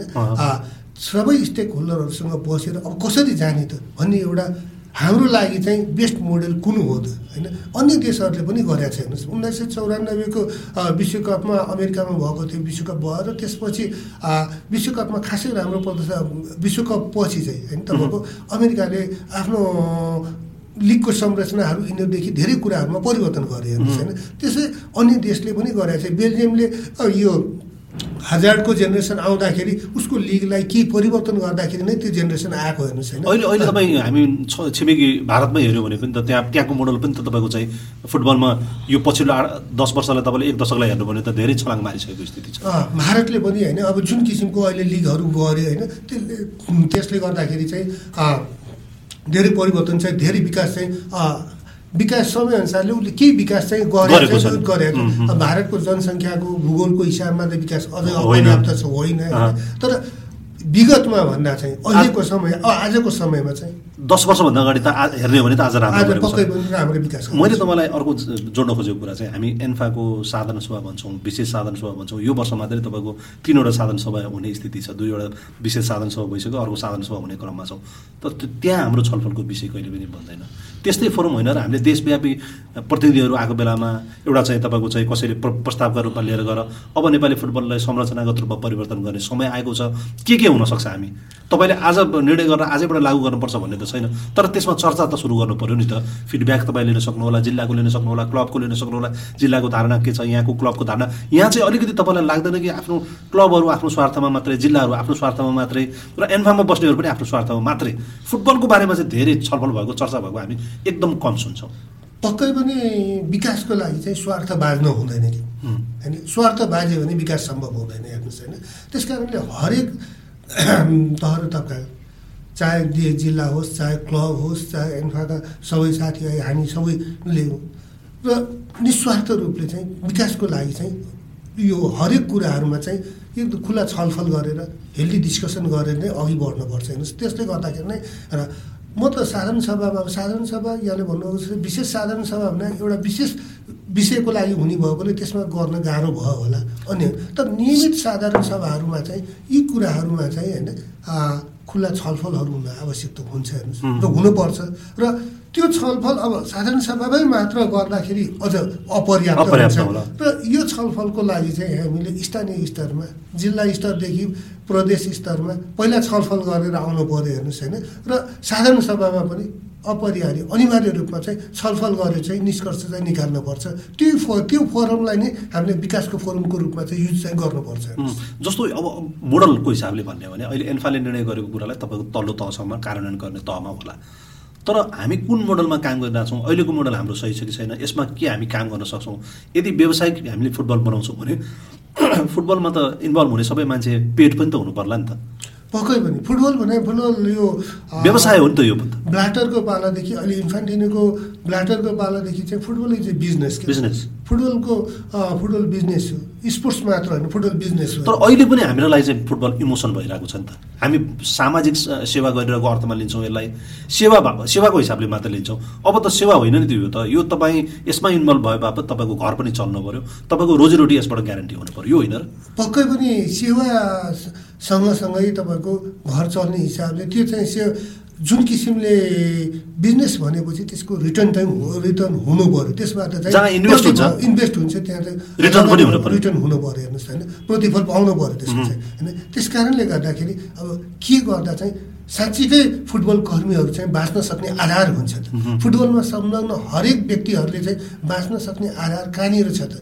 र ती आधारमै टेकेर नै देशको फुटबलले चाहिँ गति लिनुपर्छ र अन्तर्राष्ट्रिय स्तरमा चाहिँ सफल हुनुपर्छ भन्ने कुरामा भन्ने कुरामा चाहिँ ठुलो बहस हुन चाहिँ आवश्यक छ। जस्तो तपाईँ एउटा मोडल भन्नुहोस् न। पोखराको सहारा क्लबले गर्ने एउटा मोडल छ। अरू क्लबहरूले गर्ने एउटा मोडल छ आफ्नो आफ्नो मोडल छ उहाँले वर्षमा एउटा इभेन्ट गर्नुहुन्छ। उहाँहरूको एउटा मकसद भनेको त्यहाँको फुटबललाई लोकप्रिय बनाउने र आफ्नो पनि केही आर्थिक रूपमा क्लबलाई पनि एउटा मतलब अलिकति सस्टेन गर्न सजिलो होस् भन्ने हो। उहाँहरूलाई सामाजिक रूपमा इन्भल्भ हुन पनि सजिलो होस्। तर काठमाडौँमा भएको ए बी डिभिजन क्लब भनेको त सामाजिक कामका लागि त खुलेको क्लबहरू त होइनन्। यदि हिजो त हो हिजो चाहिँ सामाजिक कारणले नै खुलेका क्लबहरू तर आज हामी जुन प्लेटफर्ममा काम गरिरहेका छौँ जुन परिस्थितिमा हामी खेलिरहेका छौँ यो त व्यावसायिक क्लब हो नि त अब। हामीले व्यावसायिक र त्यो सामाजिक क्लबहरू छुट्याउनै सकेनौँ कि कतै? हाम्रो क्लबहरू सबै जस्तो त तपाईँको सामाजिक क्लब अहिले अझैसम्म पनि जिल्ला प्रशासन कार्यालयमा दर्ता सामाजिक रूपमै सामाजिक क्लबकै रूपमा रहेको छ। कम्पनीको रूपमा हामी छैनौँ। कम्पनीको रूपमा के क्लबले अहिले कम्पनी एनमा दर्ता गर्न खोजेको छ र सी क्वालिफायरमा खेलेको क्लब पनि कम्पनी एनमा दर्ता भएको मैले पाएँ होइन। र तर त्यसो भन्दा भन्दै पनि हामी के गर गर्छौँ भने क्लब लाइसेन्सिङको कुराहरू आइसक्यो फुटबल बिज प्रोफेसनल फुटबलको कुराहरू आइसकेपछि इएफसीले फिफाले पनि सामाजिक क्लब होइन अब क्लबको। अगाडि फुटबल क्लब राख्नु पर्यो हुँ। सामाजिक क्लब क्लब भए तापनि होइन फुटबलमा आउँदाखेरि चाहिँ त्यो फुटबल। क्लब भनेर राख्नु हुनु पर्यो भन्ने ओभरअलमा तपाईँको मकसद सामाजिक पनि हुन सक्ला तर त्यो भित्रको एउटा युनिट चाहिँ तपाईँले प्रोफेसनल्ली फुटबल चाहिँ काम गर्नु पऱ्यो यदि तपाईँ फुटबलमा इन्भल्भ हुनुहुन्छ भने चाहिँ तपाईँ व्यावसायिक रूपमा अब अगाडि बढ्नै पर्छ पक्कै पनि यहाँले भन्नुहोस् अहिले सामाजिक क्लब भएर फुटबलको काम काम गर्ने होइन कि समयअनुसार। चाहिँ फिफा र इएफसीको निर्देशन अनुसार चाहिँ फिफा र इएफसीको गाइडलाइनहरूलाई फलो गर्ने हो भने चाहिँ अहिलेको दिनमा चाहिँ फुटबल क्लब भएर काम गरेर त्यो फुटबल क्लबले चाहिँ के प्रतिशत चाहिँ सामाजिक दायित्वमा गर्ने। सामाजिक दायित्व चाहिँ निर्वाह गर्ने हो अहिले। फुटबल चाहिँ विश्व फुटबल चाहिँ त्यसरी मुभ भइरहेको छ। त्यस कारणले हामी पनि कहीँ न कहीँ कतै होइन? कहीँ अलि समय लिएर भए पनि हामी त्यो त्यो मार्गमा चाहिँ नि। जानुपर्दछ आवश्यक छ। अब यदि तपाईँ यो त इमोसनल कुरा त होइन। यदि तपाईँ सक्षम हुनुहुन्न तपाईँ क्लब लाइसेन्स लिन सक्नुहुन्न भने तपाईँले यो बाटो अब छोड्नुपर्छ भन्ने पनि त हो नि कतै न कतै। एकदम छोड्नुपर्छ। क्लब लाइसेन्सिङ लिने फुटबलिङ कल्चरहरू डेभलप गर्ने फु फिफा फिफा र इएफसीको योजना उनीहरूको नीति निर्देशनलाई फलो गर्न सक्ने भन्ने सक्नेलाई दिनु पर्दैन नसक्ने अर्को किसिमको फुटबल खेलेर बस्नुपर्ने अवस्था चाहिँ आउनु आउँछ। र गर्नुपर्छ। हामी त्यहाँनिर कहीँ न कहीँ अहिले पनि अहिले पनि एउटा हाम्रो भनौँ न क्लबहरूमा त्यो खालको दोधारो अवस्था चाहिँ उहाँहरूको छ कि जस्तो लाग्छ मलाई। अहिले पनि हामी सामाजिक क्लब हौँ कि हामी प्रोफेसनल फुटबल क्लब हौँ भन्ने कुरामा चाहिँ अहिले पनि हिजो चल्दै आएको छ एउटा सामाजिक त्यो मान्यताका आधारमा हामी चल्दै आएका छौँ। चन्दा पुरस्कार तपाईँको चाहिँ सहयोग उठाएर हामी चलेको क्लब थियौँ। तर आजको परिस्थिति भनेको चाहिँ तपाईँले पे गर्नु पऱ्यो तपाईँको क्लबले चाहिँ इन्भेस्ट गरेपछि कमाउनु पऱ्यो र त्यो कमाइले तपाईँको खेलाडी पनि पालिनु पऱ्यो म्यानेजमेन्ट पनि चल्नु पऱ्यो र त्यही फुटबलको पैसाले चाहिँ तपाईँको क्लब म्यानेज हुनु पऱ्यो यही होइन। पक्कै पनि। अहिले फुटबलको सिम्पली फुटबललाई सोच्ने हामीले त्यही फुटबल फुटबल क्लब चलाउनको लागि व्यावसायिक व्यक्तिहरूको राख्न पऱ्यो र त्यसबाट आय आर्जन गर्न पऱ्यो र त्यही पैसाले चाहिँ फुटबल क्लब रन हुनु रन पऱ्यो र फुटबल प्लेयरहरू उत्पादन हुनु पऱ्यो र अल्टिमेटली राष्ट्रलाई फुटबल प्लेयरहरू दिन सक्ने किसिमको प्लेयरहरू तयार गर्यो। त्यो अहिले फुटबल पक्कै पनि त्यो किसिम तर हामी त्यो चिजबाट त अहिले पनि डिरेल छौँ नि त। हामी अझै बाहिर छौँ हामीले प्रयास गरिरहेका छौँ अझै हामी सफल भइरहेका छैनौँ र हामी अझै यसको यसको लागि चाहिँ अब हामी गृह कार्यहरू गरेर होइन थुप्रै होमवर्क होमवर्क होमवर्क गरेर होइन तपाईँको स्थानीय स्तरदेखि प्रदेश राष्ट्रिय स्तरमा नै होइन यो किसिमको वर्कआउट गरेर चाहिँ यहाँले भन्नुभएको जस्तै अहिलेको विश्व फुटबल जुन मोडलमा गएको छ त्यो मोडलमा ढाल्न चाहिँ नेपालको फुटबललाई पनि आवश्यक छ। किनकि किनभने नेपालमा जति फुटबलको क्रेज चाहिँ होइन मैले लाग्छ मैले धेरै ठाउँमा फुटबल हेरेँ धेरै रङ्गशालामा हेरेँ विभिन्न देशमा फुटबल हेरेँ तर नेपालमा जस्तो क्रेज चाहिँ धेरै कम देशमा हुन्छ। यहाँ उमेर समूहको फुटबल हुँदाखेरि पनि रङ्गशालामा प्याक दर्शक हुन्छ। यहाँ तपाईँको यहाँ सानो फुटबल हुँदाखेरि पनि पचास साठीजना सयजना यो पत्रकारहरूले चाहिँ रिपोर्टिङको लागि आइरहेका देख्छौँ फुटबलमा मिडिया ट्रिब्युन सधैँ भर्या हुन्छ। अब हामी गल्फ कन्ट्रीमा जाँदाखेरि दुईजना पत्रकार पाउन गाह्रो भइरहेको हुन्छ होइन? र पत्रकारितादेखि लिएर खेल पत्रकारितादेखि लिएर हरेक हरेक विधा हरेक त फुटबलसँग जो जोड्दाखेरि चाहिँ तपाईँको जुन क्रेज नेपालमा छ जुन क्रेज हाम्रो देशमा छ त्यो क्रेज चाहिँ अन्य देशमा मैले कमै पाएको छु मैले। अहिले अहिले पनि भनौँ न तपाईँ यो यदि यो यो डिस्को डिस्कोर्सलाई जुन हामी अहिले चर्चा गरिरहेछौँ यो कुरालाई अगाडि बढाउने भने त अहिले ल लिडरसिप नयाँ आएको पनि दुई वर्ष हुन आँटिसक्यो भनोस् न। डेढ वर्ष पनि क्रस भइसक्यो। तर हामीले फुटबलको संरचना कस्तो बनाउने नेपाली फुटबललाई कस्तो बनाउने भनेर एक दिन पनि कहिले पनि काहीँ डिस्कसन भएको हामीले देखाएको छौँ अब इन्टरनली तपाईँहरूको आन्तरिक रूपमा भएको भए हामीलाई थाहा भएन। क्लबसँग तपाईँहरूको कहिले काहीँ मिटिङ मिटिङ हुँदाखेरि हुने भयो। तर नीतिगत रूपमा अब हामी यो बाटोमा जान्छौँ भनेर कहिले छलफल गरेको त हामीले देख्दैनौँ। यदि त्यो नगर्ने हो भने हाम्रो भविष्य त अहिले पनि अनिश्चित छ नि कि आज तपाईँ जेठ असारमा लिग सक्नुभयो अर्को लिग कहिले हुन्छ तपाईँलाई भन्न सक्ने तपाईँसँग आधार छैन। बी सी डिभिजन दुई नभएको बी र सी डिभिजन नभएको तिन दुई वर्ष भइसक्यो। अब हुन्छ कि हुँदैन भन्ने कुरामा पनि संशय छ। भनेपछि त हामी त्यो प्रोफेसनल सेटअप त हामीले बनाउनै सकेका छैनौँ। एउटा डिस्कोर्स त हामी सुरु नै गर्न सकेका छैनौँ।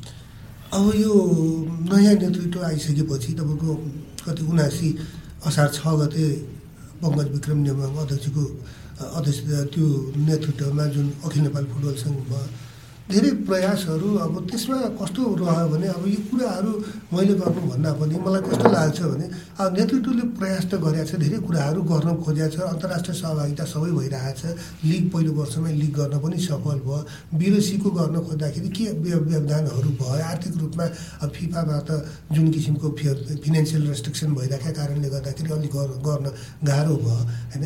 र अन्य प्रोग्रामहरू पनि भइरहेका छ। तर यहाँले भन्नुभएको जस्तै एउटा चाहिँ प्रोग्राम चाहिँ अब फुटबललाई चाहिँ कसरी जाने त भोलिको फुटबल कसरी जाने भन्ने कुरामा चाहिँ सबैसँग सल्लाह गरेर सबैसँग एउटा बसेर एउटा निर्णय गरेर एउटा ठोस नीति नियम बनाएर चाहिँ जानुपर्ने छ त्यसको तयारी गरिरहेको छ होइन तपाईँको अब केही समयमा होला होइन? त्यो प्रयासहरू अहिलेको नेतृत्वले धेरै कुराहरूमा चाहिँ प्रयास चाहिँ गरिरहेको छ तपाईँको होइन?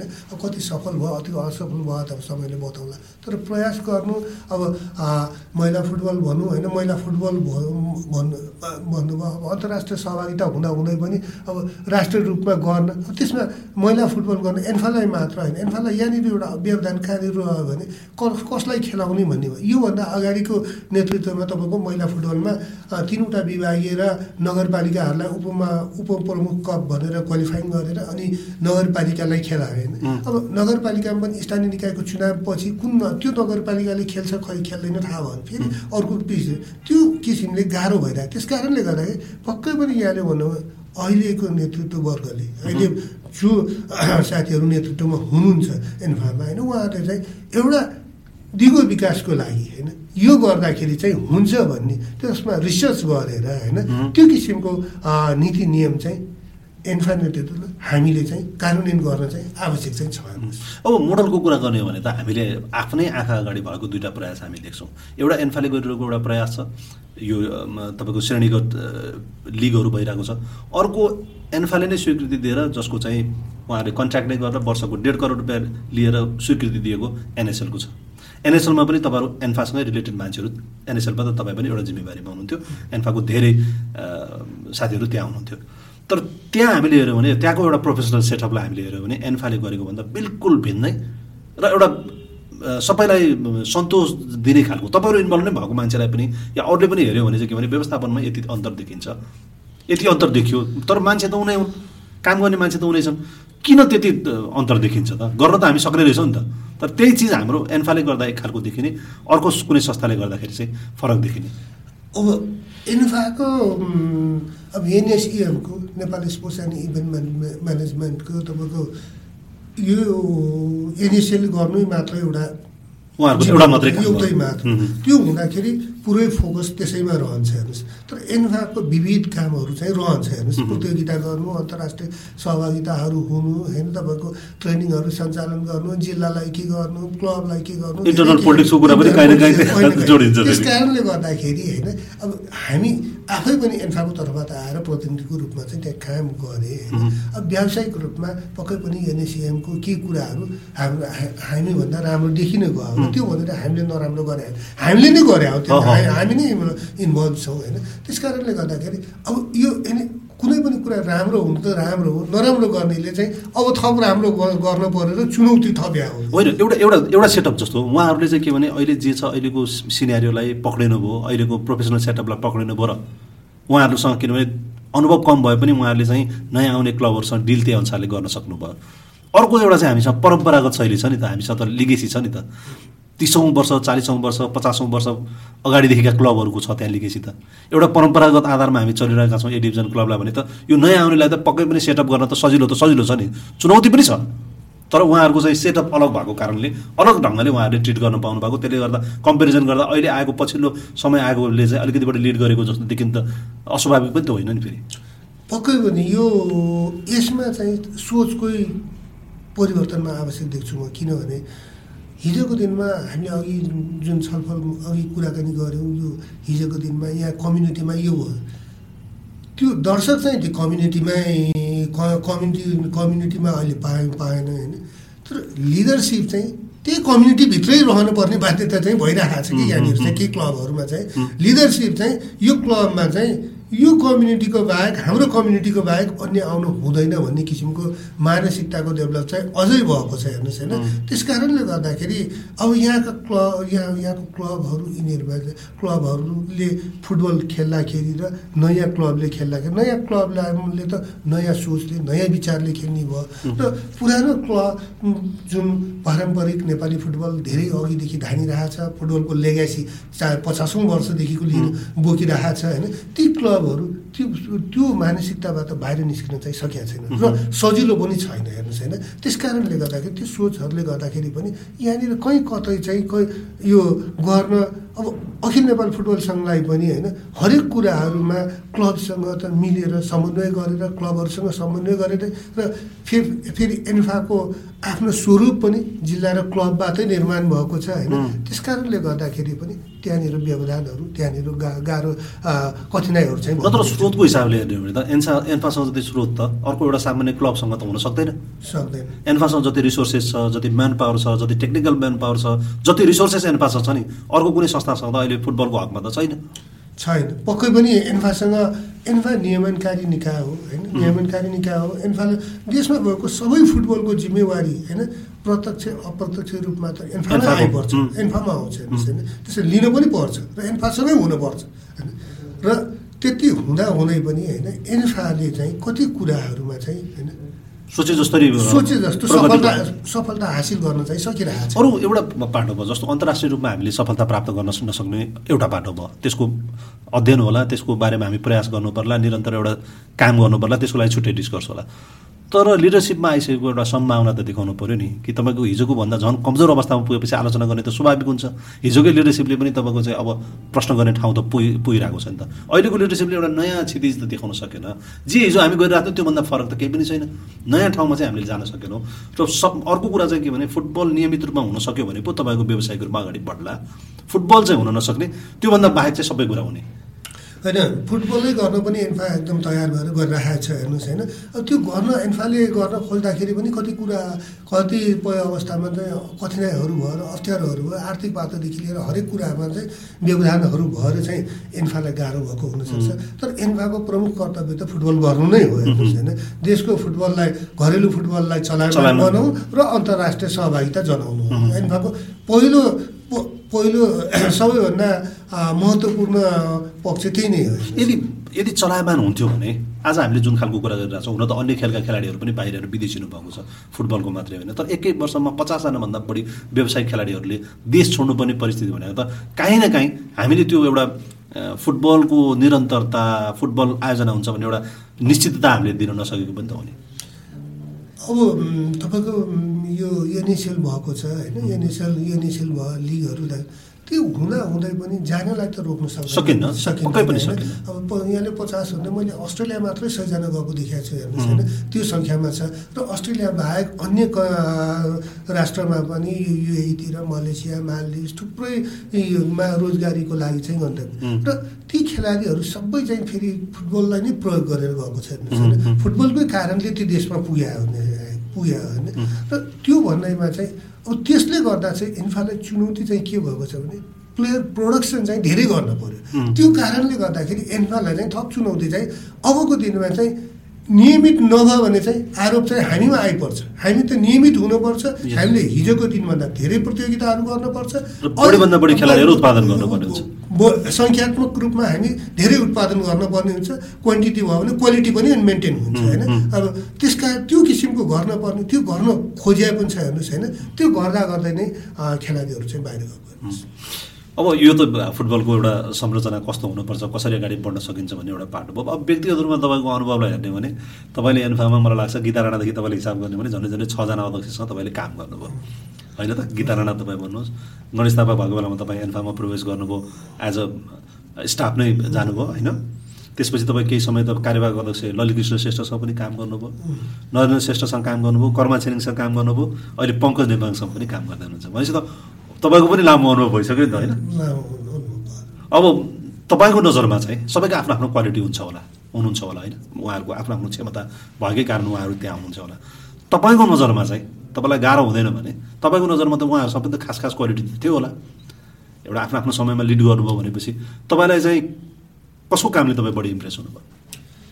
म त अब आफै काम गर्ने भएकोले म सबैकै कामबाट इम्प्रेस छु होइन? अब लिडरसिपमा बसेका मान्छे को कसको भन्ने कुराहरू म कार्य समितिमा खासै रहेन हेर्नुहोस् होइन। गीता राणाको पालामा एकचोटि सायद कार्यवाहक महासचिव भएपछि केन्द्रीय सदस्य जितेका थिएँ होइन। र कार्यवाहक महासचिव भएर पछि काम गरेँ एक वर्ष जति। र नरेन्द्र श्रेष्ठको पालामा म तिन महिना कार्य चार महिना कार्यवाहक महासचिवको रूपमा काम गरेँ होइन। र अब कर्मजीको पालोमा मैले यो कम्पिटिसन डाइरेक्टरै हो अहिले पङ्कजीको पालोमा पनि कम्पिटिसन डाइरेक्टर हो। अब गणेश थापाको पालोमा म मैले डेभलपमेन्ट डाइरेक्टर। अब के सुरुमा जोइन गर्दाखेरि त म त्यसै डेभलपमेन्ट डाइरेक्टर स्टाफको रूपमा थिएन। एक वर्ष त मलाई मैले त्यो पैसा पनि लिएको थिएन केही पनि लिएको थिएन। र पछि नोमिनल पैसाहरू यिनीहरू गरेर म डेभलपमेन्ट डाइरेक्टर अब स्टाफ भन्दा पनि गणेश दाले पनि सञ्जीव बाबा प्राविधिक मान्छे हो कहिले डेभलपमेन्ट डाइरेक्टर कहिले यो के लिग डाइरेक्टर कहिले रेफ्री र वुमेन्स फुटबल हेर्ने डिपार्टमेन्टको हेड जस्तो होइन? त्यो किसिमले कामहरू गराए तर मैले अब फुटबलमा म फुटबलमा एक किसिमले लागिरहने र सबैसँग चाहिँ अब मिलेरै फुटबलमा काम गर्ने भएकोले मलाई असहज चाहिँ खासै कसैसँग लागेको छैन हेर्नुहोस् होइन? काम गर्दाखेरि अब म संस्था जुन संस्थामा बसेँ त्यो संस्थाको अहित हुने गर्ने काम मैले कहिले गर्नु हुँदैन हुँदैन भन्ने मेरो मान्यता हो मेरो नैतिकता हो होइन? त्यस कारणले गर्दाखेरि मलाई खासै कुनै प्रेसिडेन्टहरू असहज लागेको छैन होइन? सबैसँग मलाई काम गर्नु सहजै भएको छ। तर व्यक्तिगत रूपमा तपाईँको अलिकति टसल चाहिँ गणेश थापासँग चाहिँ एक समय रह्यो तपाईँको। अब गणेश दाईसँग पहिले म गणेश थापासँग चाहिँ मेरो गणेश दाई सायद त्यो दुइटा सङ्घ भएपछिको समस्या होला? होइन गणेश दा गणेश दाईसँग त्यो सम्बन्ध मेरो त्यस्तो किसिमको थिएन हेर्नुहोस् होइन गणेश दा गणेश दाई गणेश थापा दुई हजार एकाउन्न सालको चैत्रमा अध्यक्ष हुनुभयो होइन इन्फाको कार्यवाहक यो तदर्थ समितिको अध्यक्ष भएर पछि बाहुन्नमा निर्वाचित हुनुभयो होइन। र त्यो बेला मैले बाहिर बसेर क्लबको अध्यक्षको हिसाबमा चाहिँ पत्रकारिता गरेर होस् के होस् रचनात्मक रूपमा चाहिँ नेपाली फुटबलमा यस्तो परिवर्तन हुनुपर्छ भन्ने सुझावको रूपमा चाहिँ दिएँ होइन। र मलाई खुसी के लाग्छ कि मैले बोलेका कुराहरू गणेश थापाजीले पनि सुरुमा गणेश दाईले सुरुमा एक्सेप्ट नगरे पनि होइन भित्रभित्र सजिलो भनेको कुरा त ठिकै हो कि भनेर पछि दुई चार महिना पाँच छ महिनापछि इम्प्लिमेन्ट गरे मैले पाएको छु त्यसमा म खुसी छु हेर्नु एक समय त फेरि तपाईँलाई चाहिँ रङशालामा आउनै प्रतिबन्ध पनि थियो नि त। रङ्गशालाको प्रतिबन्ध प्रतिबन्ध पनि भयो होइन। त्यो हुँदाखेरि पनि पछि अब गणेश दाईले तर उहाँको एउटा राम्रो बानी फेरि के भने त्यो रिस मरिसकेपछि नाइन्टी मिनट गेम पनि छोडिदियो अब जे भयो भयो अब मिलेर जाउँ भन्ने एउटा नेचर पनि हो नि त उहाँको फेरि। एकदम त्यसपछि अब त्यसो भए पनि अन्तिममा पछि आएर दुई हजार त्रिसठी सालमा चाहिँ सन्दीपसँग काम गरिदिनु भन्ने किसिमले एउटा उहाँकै तपाईँ रिक्वेस्टमा जानुभयो उहाँको उहाँले रिक्वेस्ट गर्नुभयो र मैले चाहिँ होइन कुनै पद कुनै सुविधा कुनै के होइन? कुनै आफूले त्यस्तो किसिमको सुविधाहरू कुनै त्यस्तो कुनै नलिए पनि निस्वार्थ रूपले चाहिँ मैले उहाँलाई स काम गरेँ। अब उहाँकै एन्फामा हुँदाखेरि पनि उहाँ एन्फा अब यतिसम्म के प्रकाश थियो उहाँ एन्फामा हुँदाखेरि उहाँको उहाँ प्रेसिडेन्ट हुँदाखेरि पनि एन्फाको महासचिव लोकबहादुर साईजी हुनुहुन्थ्यो होइन? र लोकबहादुर दाई लोकबहादुर साईसँग लोकदाईसँग चाहिँ मेरो अब एउटा दाई व्यक्तिगत सम्बन्ध राम्रो सम्बन्ध भएकोले कतिपय एन्फाका कामहरू चाहिँ लोकदाईले चाहिँ मसँग सल्लाह गरेर महासचिवको रूपमा मसँग सल्लाह गरेर भाइ कसो गरौँ भनेर त्यो गरेर गर्नुहुन्थ्यो होइन। म बाहिरै हुँदाखेरि पनि गणेश गणेश दाईले सहयोग चाहिँ गरेको थिएँ। अब त्यो सम्बन्ध बाहिरबाट हेर्दाखेरि चाहिँ एकदम रङ्गशालाबाट गेटबाट बाहिर अर्कोतिर प्यारापिटमा जानु पर्नु यताउता कारण त्यस त्यो घटनाक्रमले चाहिँ होइन एकदमै नराम्रो हो कि भन्ने हो। तर मेरो फुटबलको अध्यक्षहरू सबैसँग चाहिँ राम्रै सम्बन्ध छ होइन। अब व्यक्तिगत रूपमा चाहिँ अब गीता राणासँग गीता गीता राणाजीसँग पनि होइन अब गीता म्यामसँग मेरो सम्बन्ध अझ राम्रो राम्रो थियो उहाँसँग होइन। अब त्यो बेलामा किन पनि भयो कि अरू इन्फ्रामा चाहिँ तपाईँको धेरै मानिसहरू हुन्थ्यो कार्य समिति धेरै हुन्थ्यो। गीता राणाजी फुटबलमा त्यो अब अन्तर्राष्ट्रिय रूपमा मान्यता पाउनु भएन होइन? तर उहाँ जित्नु भएर त्यसपछि चाहिँ फुटबल डेढ वर्ष जति दुई वर्ष जति पछि कोर्टमा पनि हामीले परिषदमा किशोर बहादुर सिंहले त्यो सदस्य सचिवज्यूले अनि सबैले रिक्वेस्ट गरेपछि त्यो मुद्दाहरू पनि गणेश गणेश थापाजीको इन्फा अन्तर्राष्ट्रिय त्यो मान्यता प्राप्त इन्फाको विरुद्ध जुन थियो त्यो उहाँले फिर्ता लिन लगाउनु भयो होइन? र उहाँसँग चाहिँ निकट किन धेरै निकट भयो भने उहाँलाई उहाँसँग जित्ने उहाँसँग रहनेहरू सबैले छोडेर चाहिँ उहाँलाई जानुभयो। तर मैले उहाँसँग चाहिँ अन्तिम समयसम्म पनि उहाँसँगै रहिरहेँ। अब उहाँसँगै रहेर होइन उहाँसँगै सोधेर उहाँसँग नै सोधेर उहाँकै निर्देशनमा चाहिँ उहाँ सञ्जीव तपाईँ जानुपर्छ गणेश थापाजीसँग पनि गएर काम गरिदिनुहोस्। फुटबलको लागि तपाईँ भने फुटबलको मान्छे हो। फुटबल गणेश गणेश थापाजीलाई पनि काम गर्दा कुनै अप्ठ्यारो मान्न पर्दैन। जानुहोस् तपाईँ काम गरिदिनुहोस् भनेर उहाँले पनि भन्नुभएको हो उहाँले भन्नुभयो होइन। र त्यस कारणले गर्दाखेरि अरूसँग भन्दा अब गणेश थापाजी त्यो गीता राणाजीसँग राम्रै त्यो थियो हेर्नुहोस् होइन। अन्य अध्यक्षहरू अब नरेन्द्र राईसँग पङ्कजीसँग पनि सबै राम्रो छ। कर्माजी मेरो साथीभाइ नै रह्यो होइन कर्माजीसँग त अब धेरै लामो अघिदेखिको सम यो सम्मत थियो मेरो होइन। राजनीति फुटबल भन्दा पनि पहिल्यैदेखि धेरै अघिदेखि चिन्जान भएकोले साथीभाइ अब कर्माजीसँग कर्माजी अध्यक्ष हुँदाखेरि चाहिँ म अध्यक्ष भन्दा पनि एउटा दाईभाइको एउटा साथीभाइको हिसाबमा मात्र भएँ होइन। तर कर्माजीले पनि कहिल्यै त्यो कुनै काम गर्न मलाई रोकटोक गर्नु भएन। अब सञ्जीवले अब कुनै कुनै होला अप्ठ्यारो होला गर्न यो नगरौँ सञ्जीव तर मैले गर्न खोजेका कुराहरू सबै गर्नु दिनुभयो। र अहिले पङ्कजीको नेतृत्वमा पनि पङ्कजीले महासचिव किरणजीले होइन मैले लग्या प्रपोजलहरू मेरो कुराहरू के कुराहरू यो नगरौँ भनेर तर मैले जे कुरा सोचेर लगाउँछ उहाँहरूले चाहिँ सकारात्मकै रूपमा लिएर मलाई सहयोग गरिराख्नु भएको छ र उहाँहरूले मलाई एक किसिमको माया गर्नुभएको छ। अर्को तपाईँको एकदमै निकटको सम्बन्ध हामीले देखेको चाहिँ ललित कृष्ण श्रेष्ठसँग पनि हो। निकट रहेर तपाईँ काम गर्नुभयो उहाँ कार्यवाहक अध्यक्ष हुँदाखेरि पनि होस् या अरू बेलामा पनि तपाईँसँग उहाँको एउटा सम्बन्ध राम्रो थियो। उहाँलाई चाहिँ तपाईँ कसरी स्मरण गर्नुहुन्छ? उहाँलाई अब कसरी सम्झिने भन्दाखेरि होइन उहाँ उहाँसँग उहाँ जति नजिक त मसँग कोही भएन हेर्नुहोस् होइन। फुटबलमा कि म ललित कृष्णसँग ललित ललित कृष्ण श्रेष्ठसँगै धेरै नजिक भएँ होला होइन। त्यसपछि मेरो नजिक भने त पत्रकारिताको साथीहरूसँगै भएँ हेर्नुहोस् होइन। त्यस जसरी म पत्रकारितामा अब यो खेल पत्रकार साथीहरूसँग जसरी नजिक थिएँ अब फुटबलमा तपाईँको ललित कृष्ण श्रेष्ठसँग चाहिँ पहिला अब गणेश गीता राणा र गणेश थापाको चुनावमा पनि ललित कृष्ण पनि गीता राणाको चुनावमै सहभागी हुनुभएको थियो होइन। गणेश थापा कहाँ थिएन? पछि उहाँ यो यो गणेश थापा कहाँ आउनुभयो होइन? र म गीता राणासँगै अन्तिम समयसम्म भयो। र पछि म मलाई गणेश थापासँग काम गणेश गणेश थापाजीसँग काम गर्नको लागि गणेश दाईसँग काम गर्नको लागि चाहिँ होइन एक किसिमको तयार वातावरण तयार गर्ने व्यक्तित्व। एउटा माया गरेर सञ्जीवले चाहिँ धेरै जाने छ सञ्जीव धेरै फुटबलमा फुटबल भने कि अरूको अन्य काम छोडेर पनि गर्ने हो। म जस्तै हो सञ्जीव पनि फुटबलै जीवन हो भन्ने किसिमले लागेको मान्छे हो।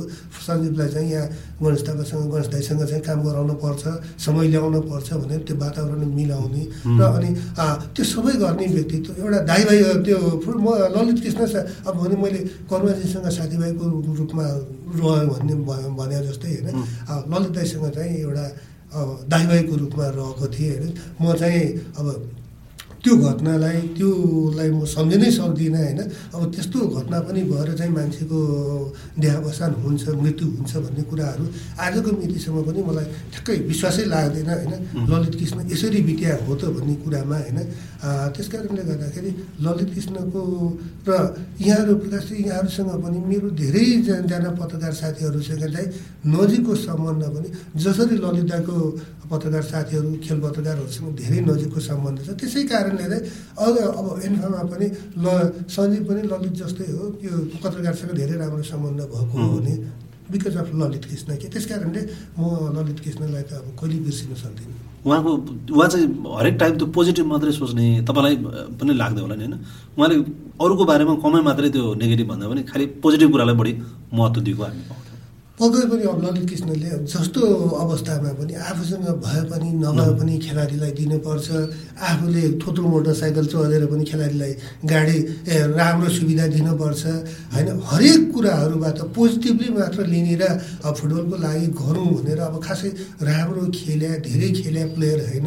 तर थ्री स्टार क्लबको लागि जुन हाइटमा पुर्याउनु भयो नेपाली फुटबललाई चाहिँ उचाइमा पुर्याउन गणेश थापाजीको नेतृत्वलाई जुन किसिमको सहयोग गर्नुभयो र जहाँ पुर्याउनु भयो फुटबललाई अब हिजोको दिनभन्दा फुटबलमा के पूर्वाधारदेखि लिएर के कुराहरूमा सुधार त भएको छ नि समय समय सापेक्ष त्यस कुरामा चाहिँ नेपाली फुटबलले चाहिँ ललित कृष्णलाई फुटबललाई व्यवसायिकतातर्फ दोहोऱ्याउनु होस् या अन्य क्षेत्रमा त्यो अन्य रूपबाट नेपाली फुटबललाई चाहिँ यो ठाउँमा पुर्याउन। अहिले अब आन्तरिक किचौँ बेग्लै कुरा हो। त्यो सधैँ ठाउँमा संसारमा फुटबलमा जहाँ पनि हुन्छ।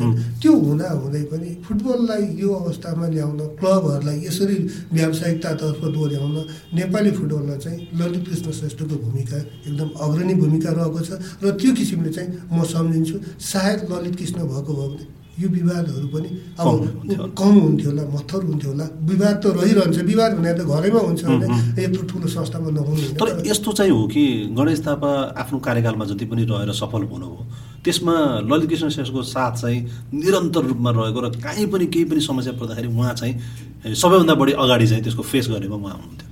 पक्कै पनि अब घर मेरो मेरो मैले मैले जानेसम्म मैले थाहा भएसम्म गणेश थापाजी गणेश नेपाली फुटबलमा आउँदाखेरि नै ललित कृष्णको योगदान एकदम थियो हेर्नुहोस् होइन। किनभने तपाईँको दुई हजार एकाउन्न सालमा गणेश दाई कार्य यो समितिको अध्यक्ष हुँदाखेरि होइन के क्लब क्लबहरू ललित कृष्ण राजीव पौडेल आदिले यो विभिन्न यो क्लबको अध्यक्षको विरुद्धमा चाहिँ होइन एक किसिमको चाहिँ अविश्वास गरेर होइन यो क्लबहरूले चाहिँ क्लबहरूले फुटबल खेल्दैन अब चाहिँ यो अध्यक्ष भइरह्यो भने खेल्दैन भने त्यो तात्कालीन अध्यक्षको विरुद्धमा चाहिँ अविश्वास प्रकट गर्दाखेरि चाहिँ प्रकट गर्दा गरेर रुक्म शमशेर राणा अध्यक्ष भएको हेर्नुहोस् होइन। अनि रुक्म शमशेर राणा अध्यक्ष भइरहँदाखेरि पछि एमाले एकाउन्न सालमा एमालेको त्यो बेलामा राखेपले नै अब केशव?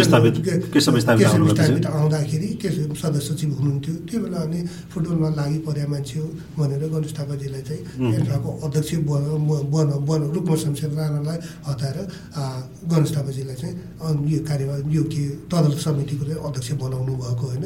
र त्यसपछि चाहिँ नेपाली फुटबलमा चाहिँ यो अब चुनावको कुराहरू चुनावहरू यिनीहरू चाहिँ वार्षिक साधारण। वार्षिक साधारण सभा चुनावको कुराहरू त्यो स्ट्रक्चरहरूको डेभलपमेन्ट चाहिँ गणेश दाइले गर्नुभएको एउटा एउटा साधारण- संस- संस्थागत आधार चाहिँ त्यो बेला आधार बन्यो आधार चाहिँ। अब चुनावमा को भाग लिने के लिने विधानहरूदेखि लिएर सबै कुरा संस्थागत आधारको चाहिँ चाहिँ आज जति पनि तपाईँको चाहिँ त्यो दुई तिन सय हामी प्रतिनिधिहरू देख्न पाउँछौँ जिल्लाबाट भोटिङ राइट्सको कुरा देख्न पाउँछौँ प्रतिनिधिहरू जिल्लाबाट हरेक जिल्लाबाट तिनजना सायद आउनुहुन्छ होला होइन? अहिले दुईजना दुईजना आउनुहुन्छ भनेपछि त्यो सबैको संरचनाको चाहिँ जस उहाँलाई दिनुपर्छ।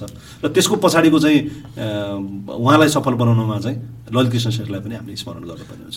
पनि उहाँलाई त्यो संस्थागत विकासको जस दिनुपर्छ गणेश थापाजीलाई होइन? यो नेपाल नेपाली फुटबल नेपाल नेपालमा ए अखिल नेपाल फुटबल सङ्घलाई होइन? चुनावी वातावरण संस्थागत रूपमा विकास गर्ने कुरामा चाहिँ गणेश थापाजीलाई दिनुभयो। त्यसको सँगसँगै उहाँले चाहिँ जुन किसिमले अब भौतिक पूर्वाधारहरूको निर्माण गर्नुभयो अब रङ्गशालाको पारापिट मुनि रहेको सानो कोठामा रहेको एन्फालाई चाहिँ तपाईँको यो त्यसमा सातो बाटोमा चाहिँ बिल्डिङ बनाएर फिफा फिफा प्रोजेक्टभन्दा अगाडिकै हो त्यो होइन? फिफा प्रोजेक्ट त उन्नाइस सय उनान्सयबाट सुरु भएको। त्यो बिल्डिङ बनाउनु भयो र अहिले जुन नेपाली फुटबल व्यस्त रहने आर्टिफिसियल टफ जुन सातो बाटोमा राख्नुभयो होइन? त्यो किसिमको डेभलपमेन्टहरूमा चाहिँ होइन त्यो नेपाली फुटबललाई चाहिँ एउटा आधार विकासको लागि चाहिँ आधार चाहिँ त्यो।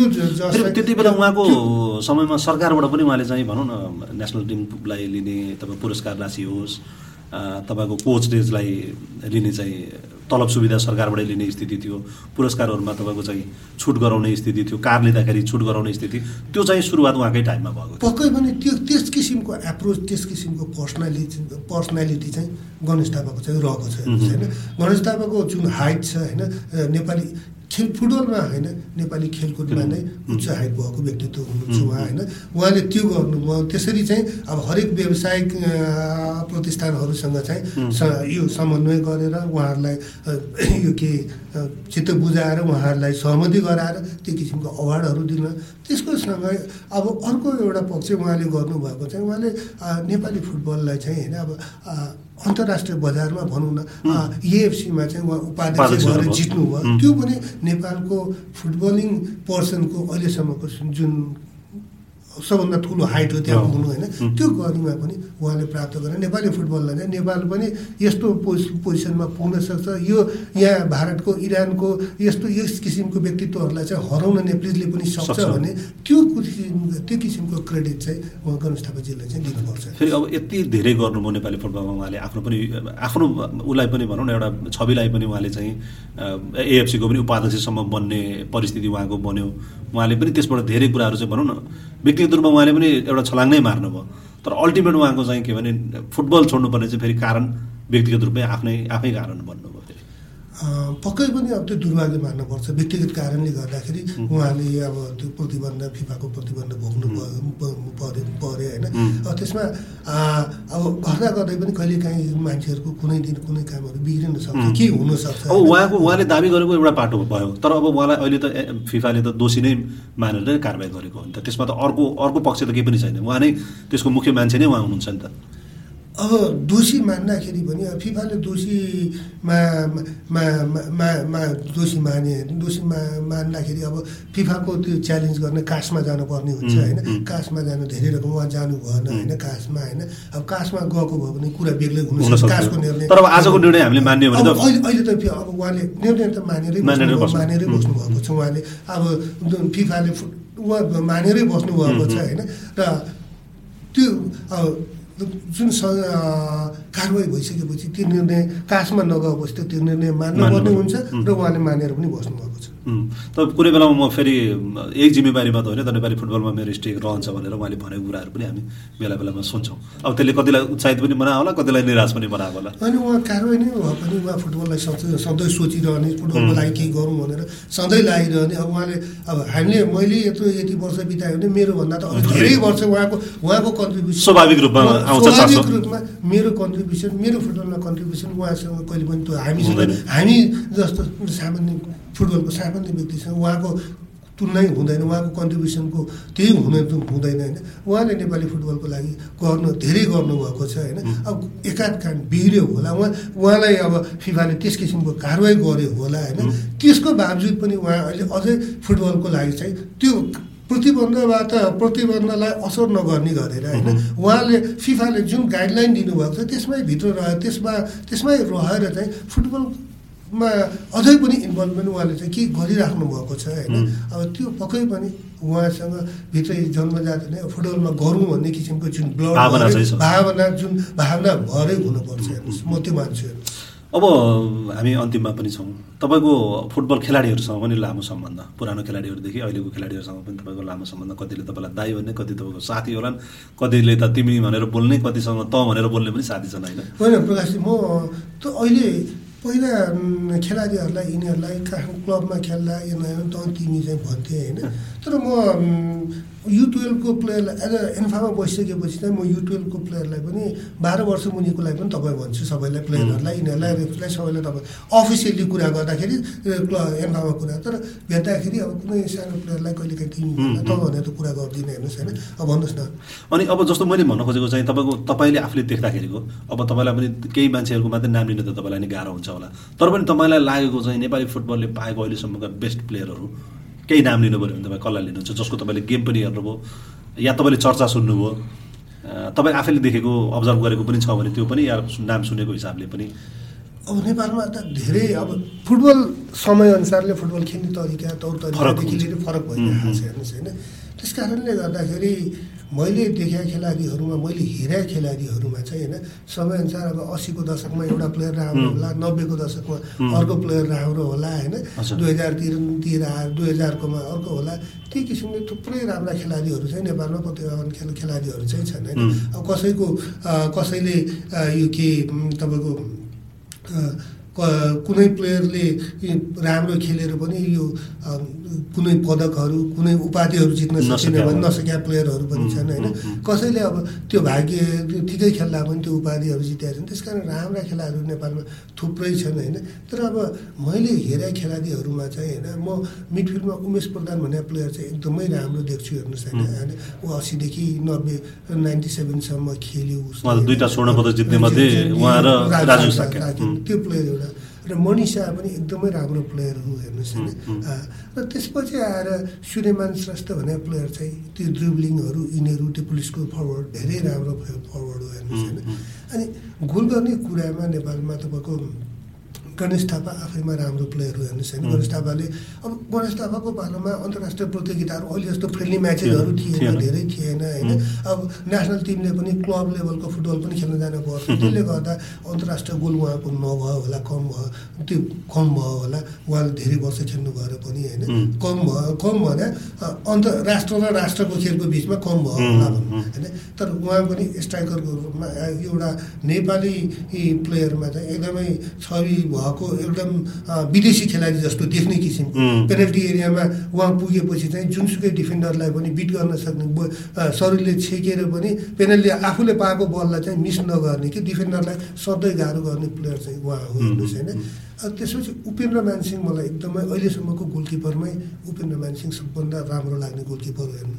किन उन्नाइस सय एकानब्बेदेखि दुई हजार चार पाँचसम्म उसले सधैँ नै फर्स्ट चोइस भनेर खेलेर एकदमै राम्रो गोलकिपर उपेन्द्र मानसिंह हेर्नुहोस् होइन। गोल गर्ने कलामा निराजन रायमाझी कम समयमा धेरै गोल गोल गर्ने र गर्ने। पेनल्टी एरियामा राम्रो निराजन रायमाझी छ हेर्नुहोस् होइन. अनि अर्को तपाईँको मनिषाको कुरा गर्नु पर्दाखेरि वान फुट गिफ्टेड प्लेयर हो हेर्नुहोस् होइन। र अब सफल कति असफल बेग्लै कुरा तर ऊ पनि एकदमै फरवर्ड स्ट्राइकर सँगसँगै मिडफिल्ड पनि राम्रो खेल्ने प्लेयर मनि मनिषा पनि हो। हेर्नुहोस् होइन अब पछिल्लो समय त धेरै राम्रा एकाडेमीको प्लेयरहरू त धेरै राम्रो। प्रदीप महर्जनले सायद प्रदीप भएको भयो भने धेरै राम्रो मिडफिल्ड हुन्थ्यो होला नेपालमा होइन? प्रदीप महर्जन थियो मिडफिल्डमा राम्रो प्लेयर होइन? अब तपाईँको विकास मल्ल पनि राम्रै गोलकिपिङ गरेको थियो। अहिले किरणले जसरी सफल भयो र यो हुँदाहुँदै पनि अहिले चाहिँ तपाईँको होइन नेपाली प्लेयर ठ्याक्कै छुट्टिने किसिमको प्लेयर चाहिँ रोहित चन्द देख्छु कि म रोहित चन्द तपाईँको फिटनेसको लेभल चाहिँ नेपाली प्लेयर र नेपाली भन्न नसुहाउने प्लेयर कि नेपाली भन्दा पनि माथिको प्लेयर जस्तो कि विदेशी प्लेयरको हिसाबमा चाहिँ त्यो किसिमको फिटनेस भएको र त्यो किसिमको राम्रो कन्सिस्टेन्सी भएको सबै राम्रो खेलिराख्ने प्लेयर चाहिँ रोहित बाह्र तेह्र वर्षदेखि त तपाईँ नेसनल टिममा नियमित छ रोहित चन्द अहिले किरण चन्दन राम्रो खेलिरहेको छ होइन तपाईँको। अब कतिपय राम्रा खेलाडीहरू त विदेश पनि गए होइन।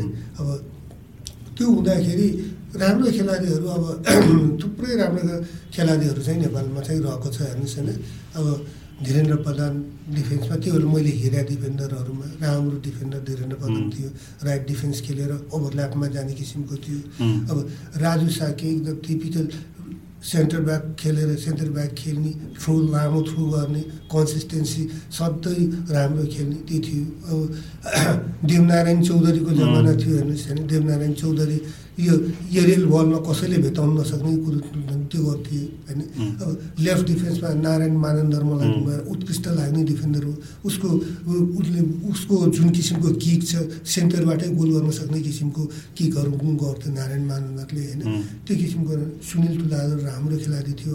डोमेस्टिकमा भन्दा पनि अन्तर्राष्ट्रियमा राम्रो खेल्ने अब त्यस कारणले नेपालमा थुप्रो समय समयमा अलग अलग जुमानु राई आयो तपाईँको एकदम फिजिकल्ली राम्रो भरत खवास जुमानु अनिल गुरुङ यो एकदमै चला प्लेयर धेरै प्लेयरहरूले चाहिँ नेपाल नेपाल नेपाली त्यसमा चाहिँ राम्रो खेले। त अहिले अब दिनेश राजवंशी अस्ति त्यसमा आएर राम्रै खेल्यो हेर्नुहोस्। सानो शरीर भए पनि राजु तामाङ राम्रो खेल्ने प्लेयर थियो हेर्नुहोस्। होइन त्यस कारण थुप्रै नेपाली खेलाडीहरू चाहिँ अब म राम्रो देख्छु होइन। अब नाम लिँदै जाँदाखेरि त धेरै लामो लिस्ट हुन्छ। तर एउटै खेलाडी मात्र अब एउटै खेलाडी चुज गर्न त्यस्तो हुने त सम्भव हुँदैन अब लेजेन्डरी प्लेयरहरू थुप्रै हुन्छ। अब अबको आउने दिनहरू पनि हामीले तपाईँलाई फुटबलमै देख्छौँ। बाँकी अर्को ठाउँमा त देख्दैन होला सायद। पक्कै पनि म फुटबलमा भइराखेकै हुन्छु होइन। भइरा म म नियम होइन। अब अखिल नेपाल फुटबल सङ्घमा होला भोलि क्लबमा हुनसक्ला भोलि अन्य ठाउँमा होला। जुनसुकै भूमिकामा भए पनि भूमिकामा फुटबल टाढा चाहिँ फुटबलमा म आफ्नो बाँकी जीव अहिलेको अहिले मैले यति वर्ष फुटबलमा बिताइसकेँ होइन बाँकी जीवन पनि होइन फुटबलमा इन्भल्भमेन्ट चाहिँ मेरो इन्भल्भमेन्ट चाहिँ सदा रहनेछ। ल अब हाम्रो तर्फबाट पनि तपाईँलाई अब यो फुटबलमा यति धेरै समय बिताउनु भयो अब बाँकी समय पनि त्यसैमा बिताउनु होला। अब तपाईँसँग कुराकानी गर्ने भन्दा भन्दै अलिक समय चाहिँ बित्यो। आइदिनु भयो तपाईँलाई धेरै धेरै धन्यवाद छ। धन्यवाद प्रकाशजी अब फेरि मेरो समय यो समय फुटबलमा लाग्नुको एउटा कारण पनि तपाईँको पत्रकारिताको साथीहरू खेल पत्रकार साथीहरूसँगको सँगबाट पनि हो हेर्नुहोस् होइन। जुन किसिमले मैले सबैबाट जुन मायाहरू पाएँ होइन त्यसले गर्दाखेरि पनि हो यो फिल्डमा त मैले अझै सक्ने गर्न केही गर्न पर्छ है भन्ने मान्यता बोकेर नै म यहाँ आइरहेको भने यहाँहरूको जुन माया यहाँहरूको जुन मप्रतिको भावना भावना जुन किसिमको त्यो छ होइन त्यो त्यसले गर्दा नै म आज यो ठाउँमा पुगे हो। धन्यवाद। हस् धन्यवाद। उहाँ हुनुहुन्थ्यो सञ्जय मिश्र नेपाली फुटबलको विषयमा नजिकबाट नेपाली फुटबललाई बुझ्ने जान्ने र आफ्नो कुराहरू बताउन सक्ने हुनुहुन्थ्यो। हामी अर्को हप्ता फेरि अर्को अतिथिसँग उपस्थित हुने नै छौँ। स्टुडियोको लागि फोटोघरलाई धन्यवाद दिन चाहन्छु। आजलाई बिदा दिनुहोस्। नमस्कार।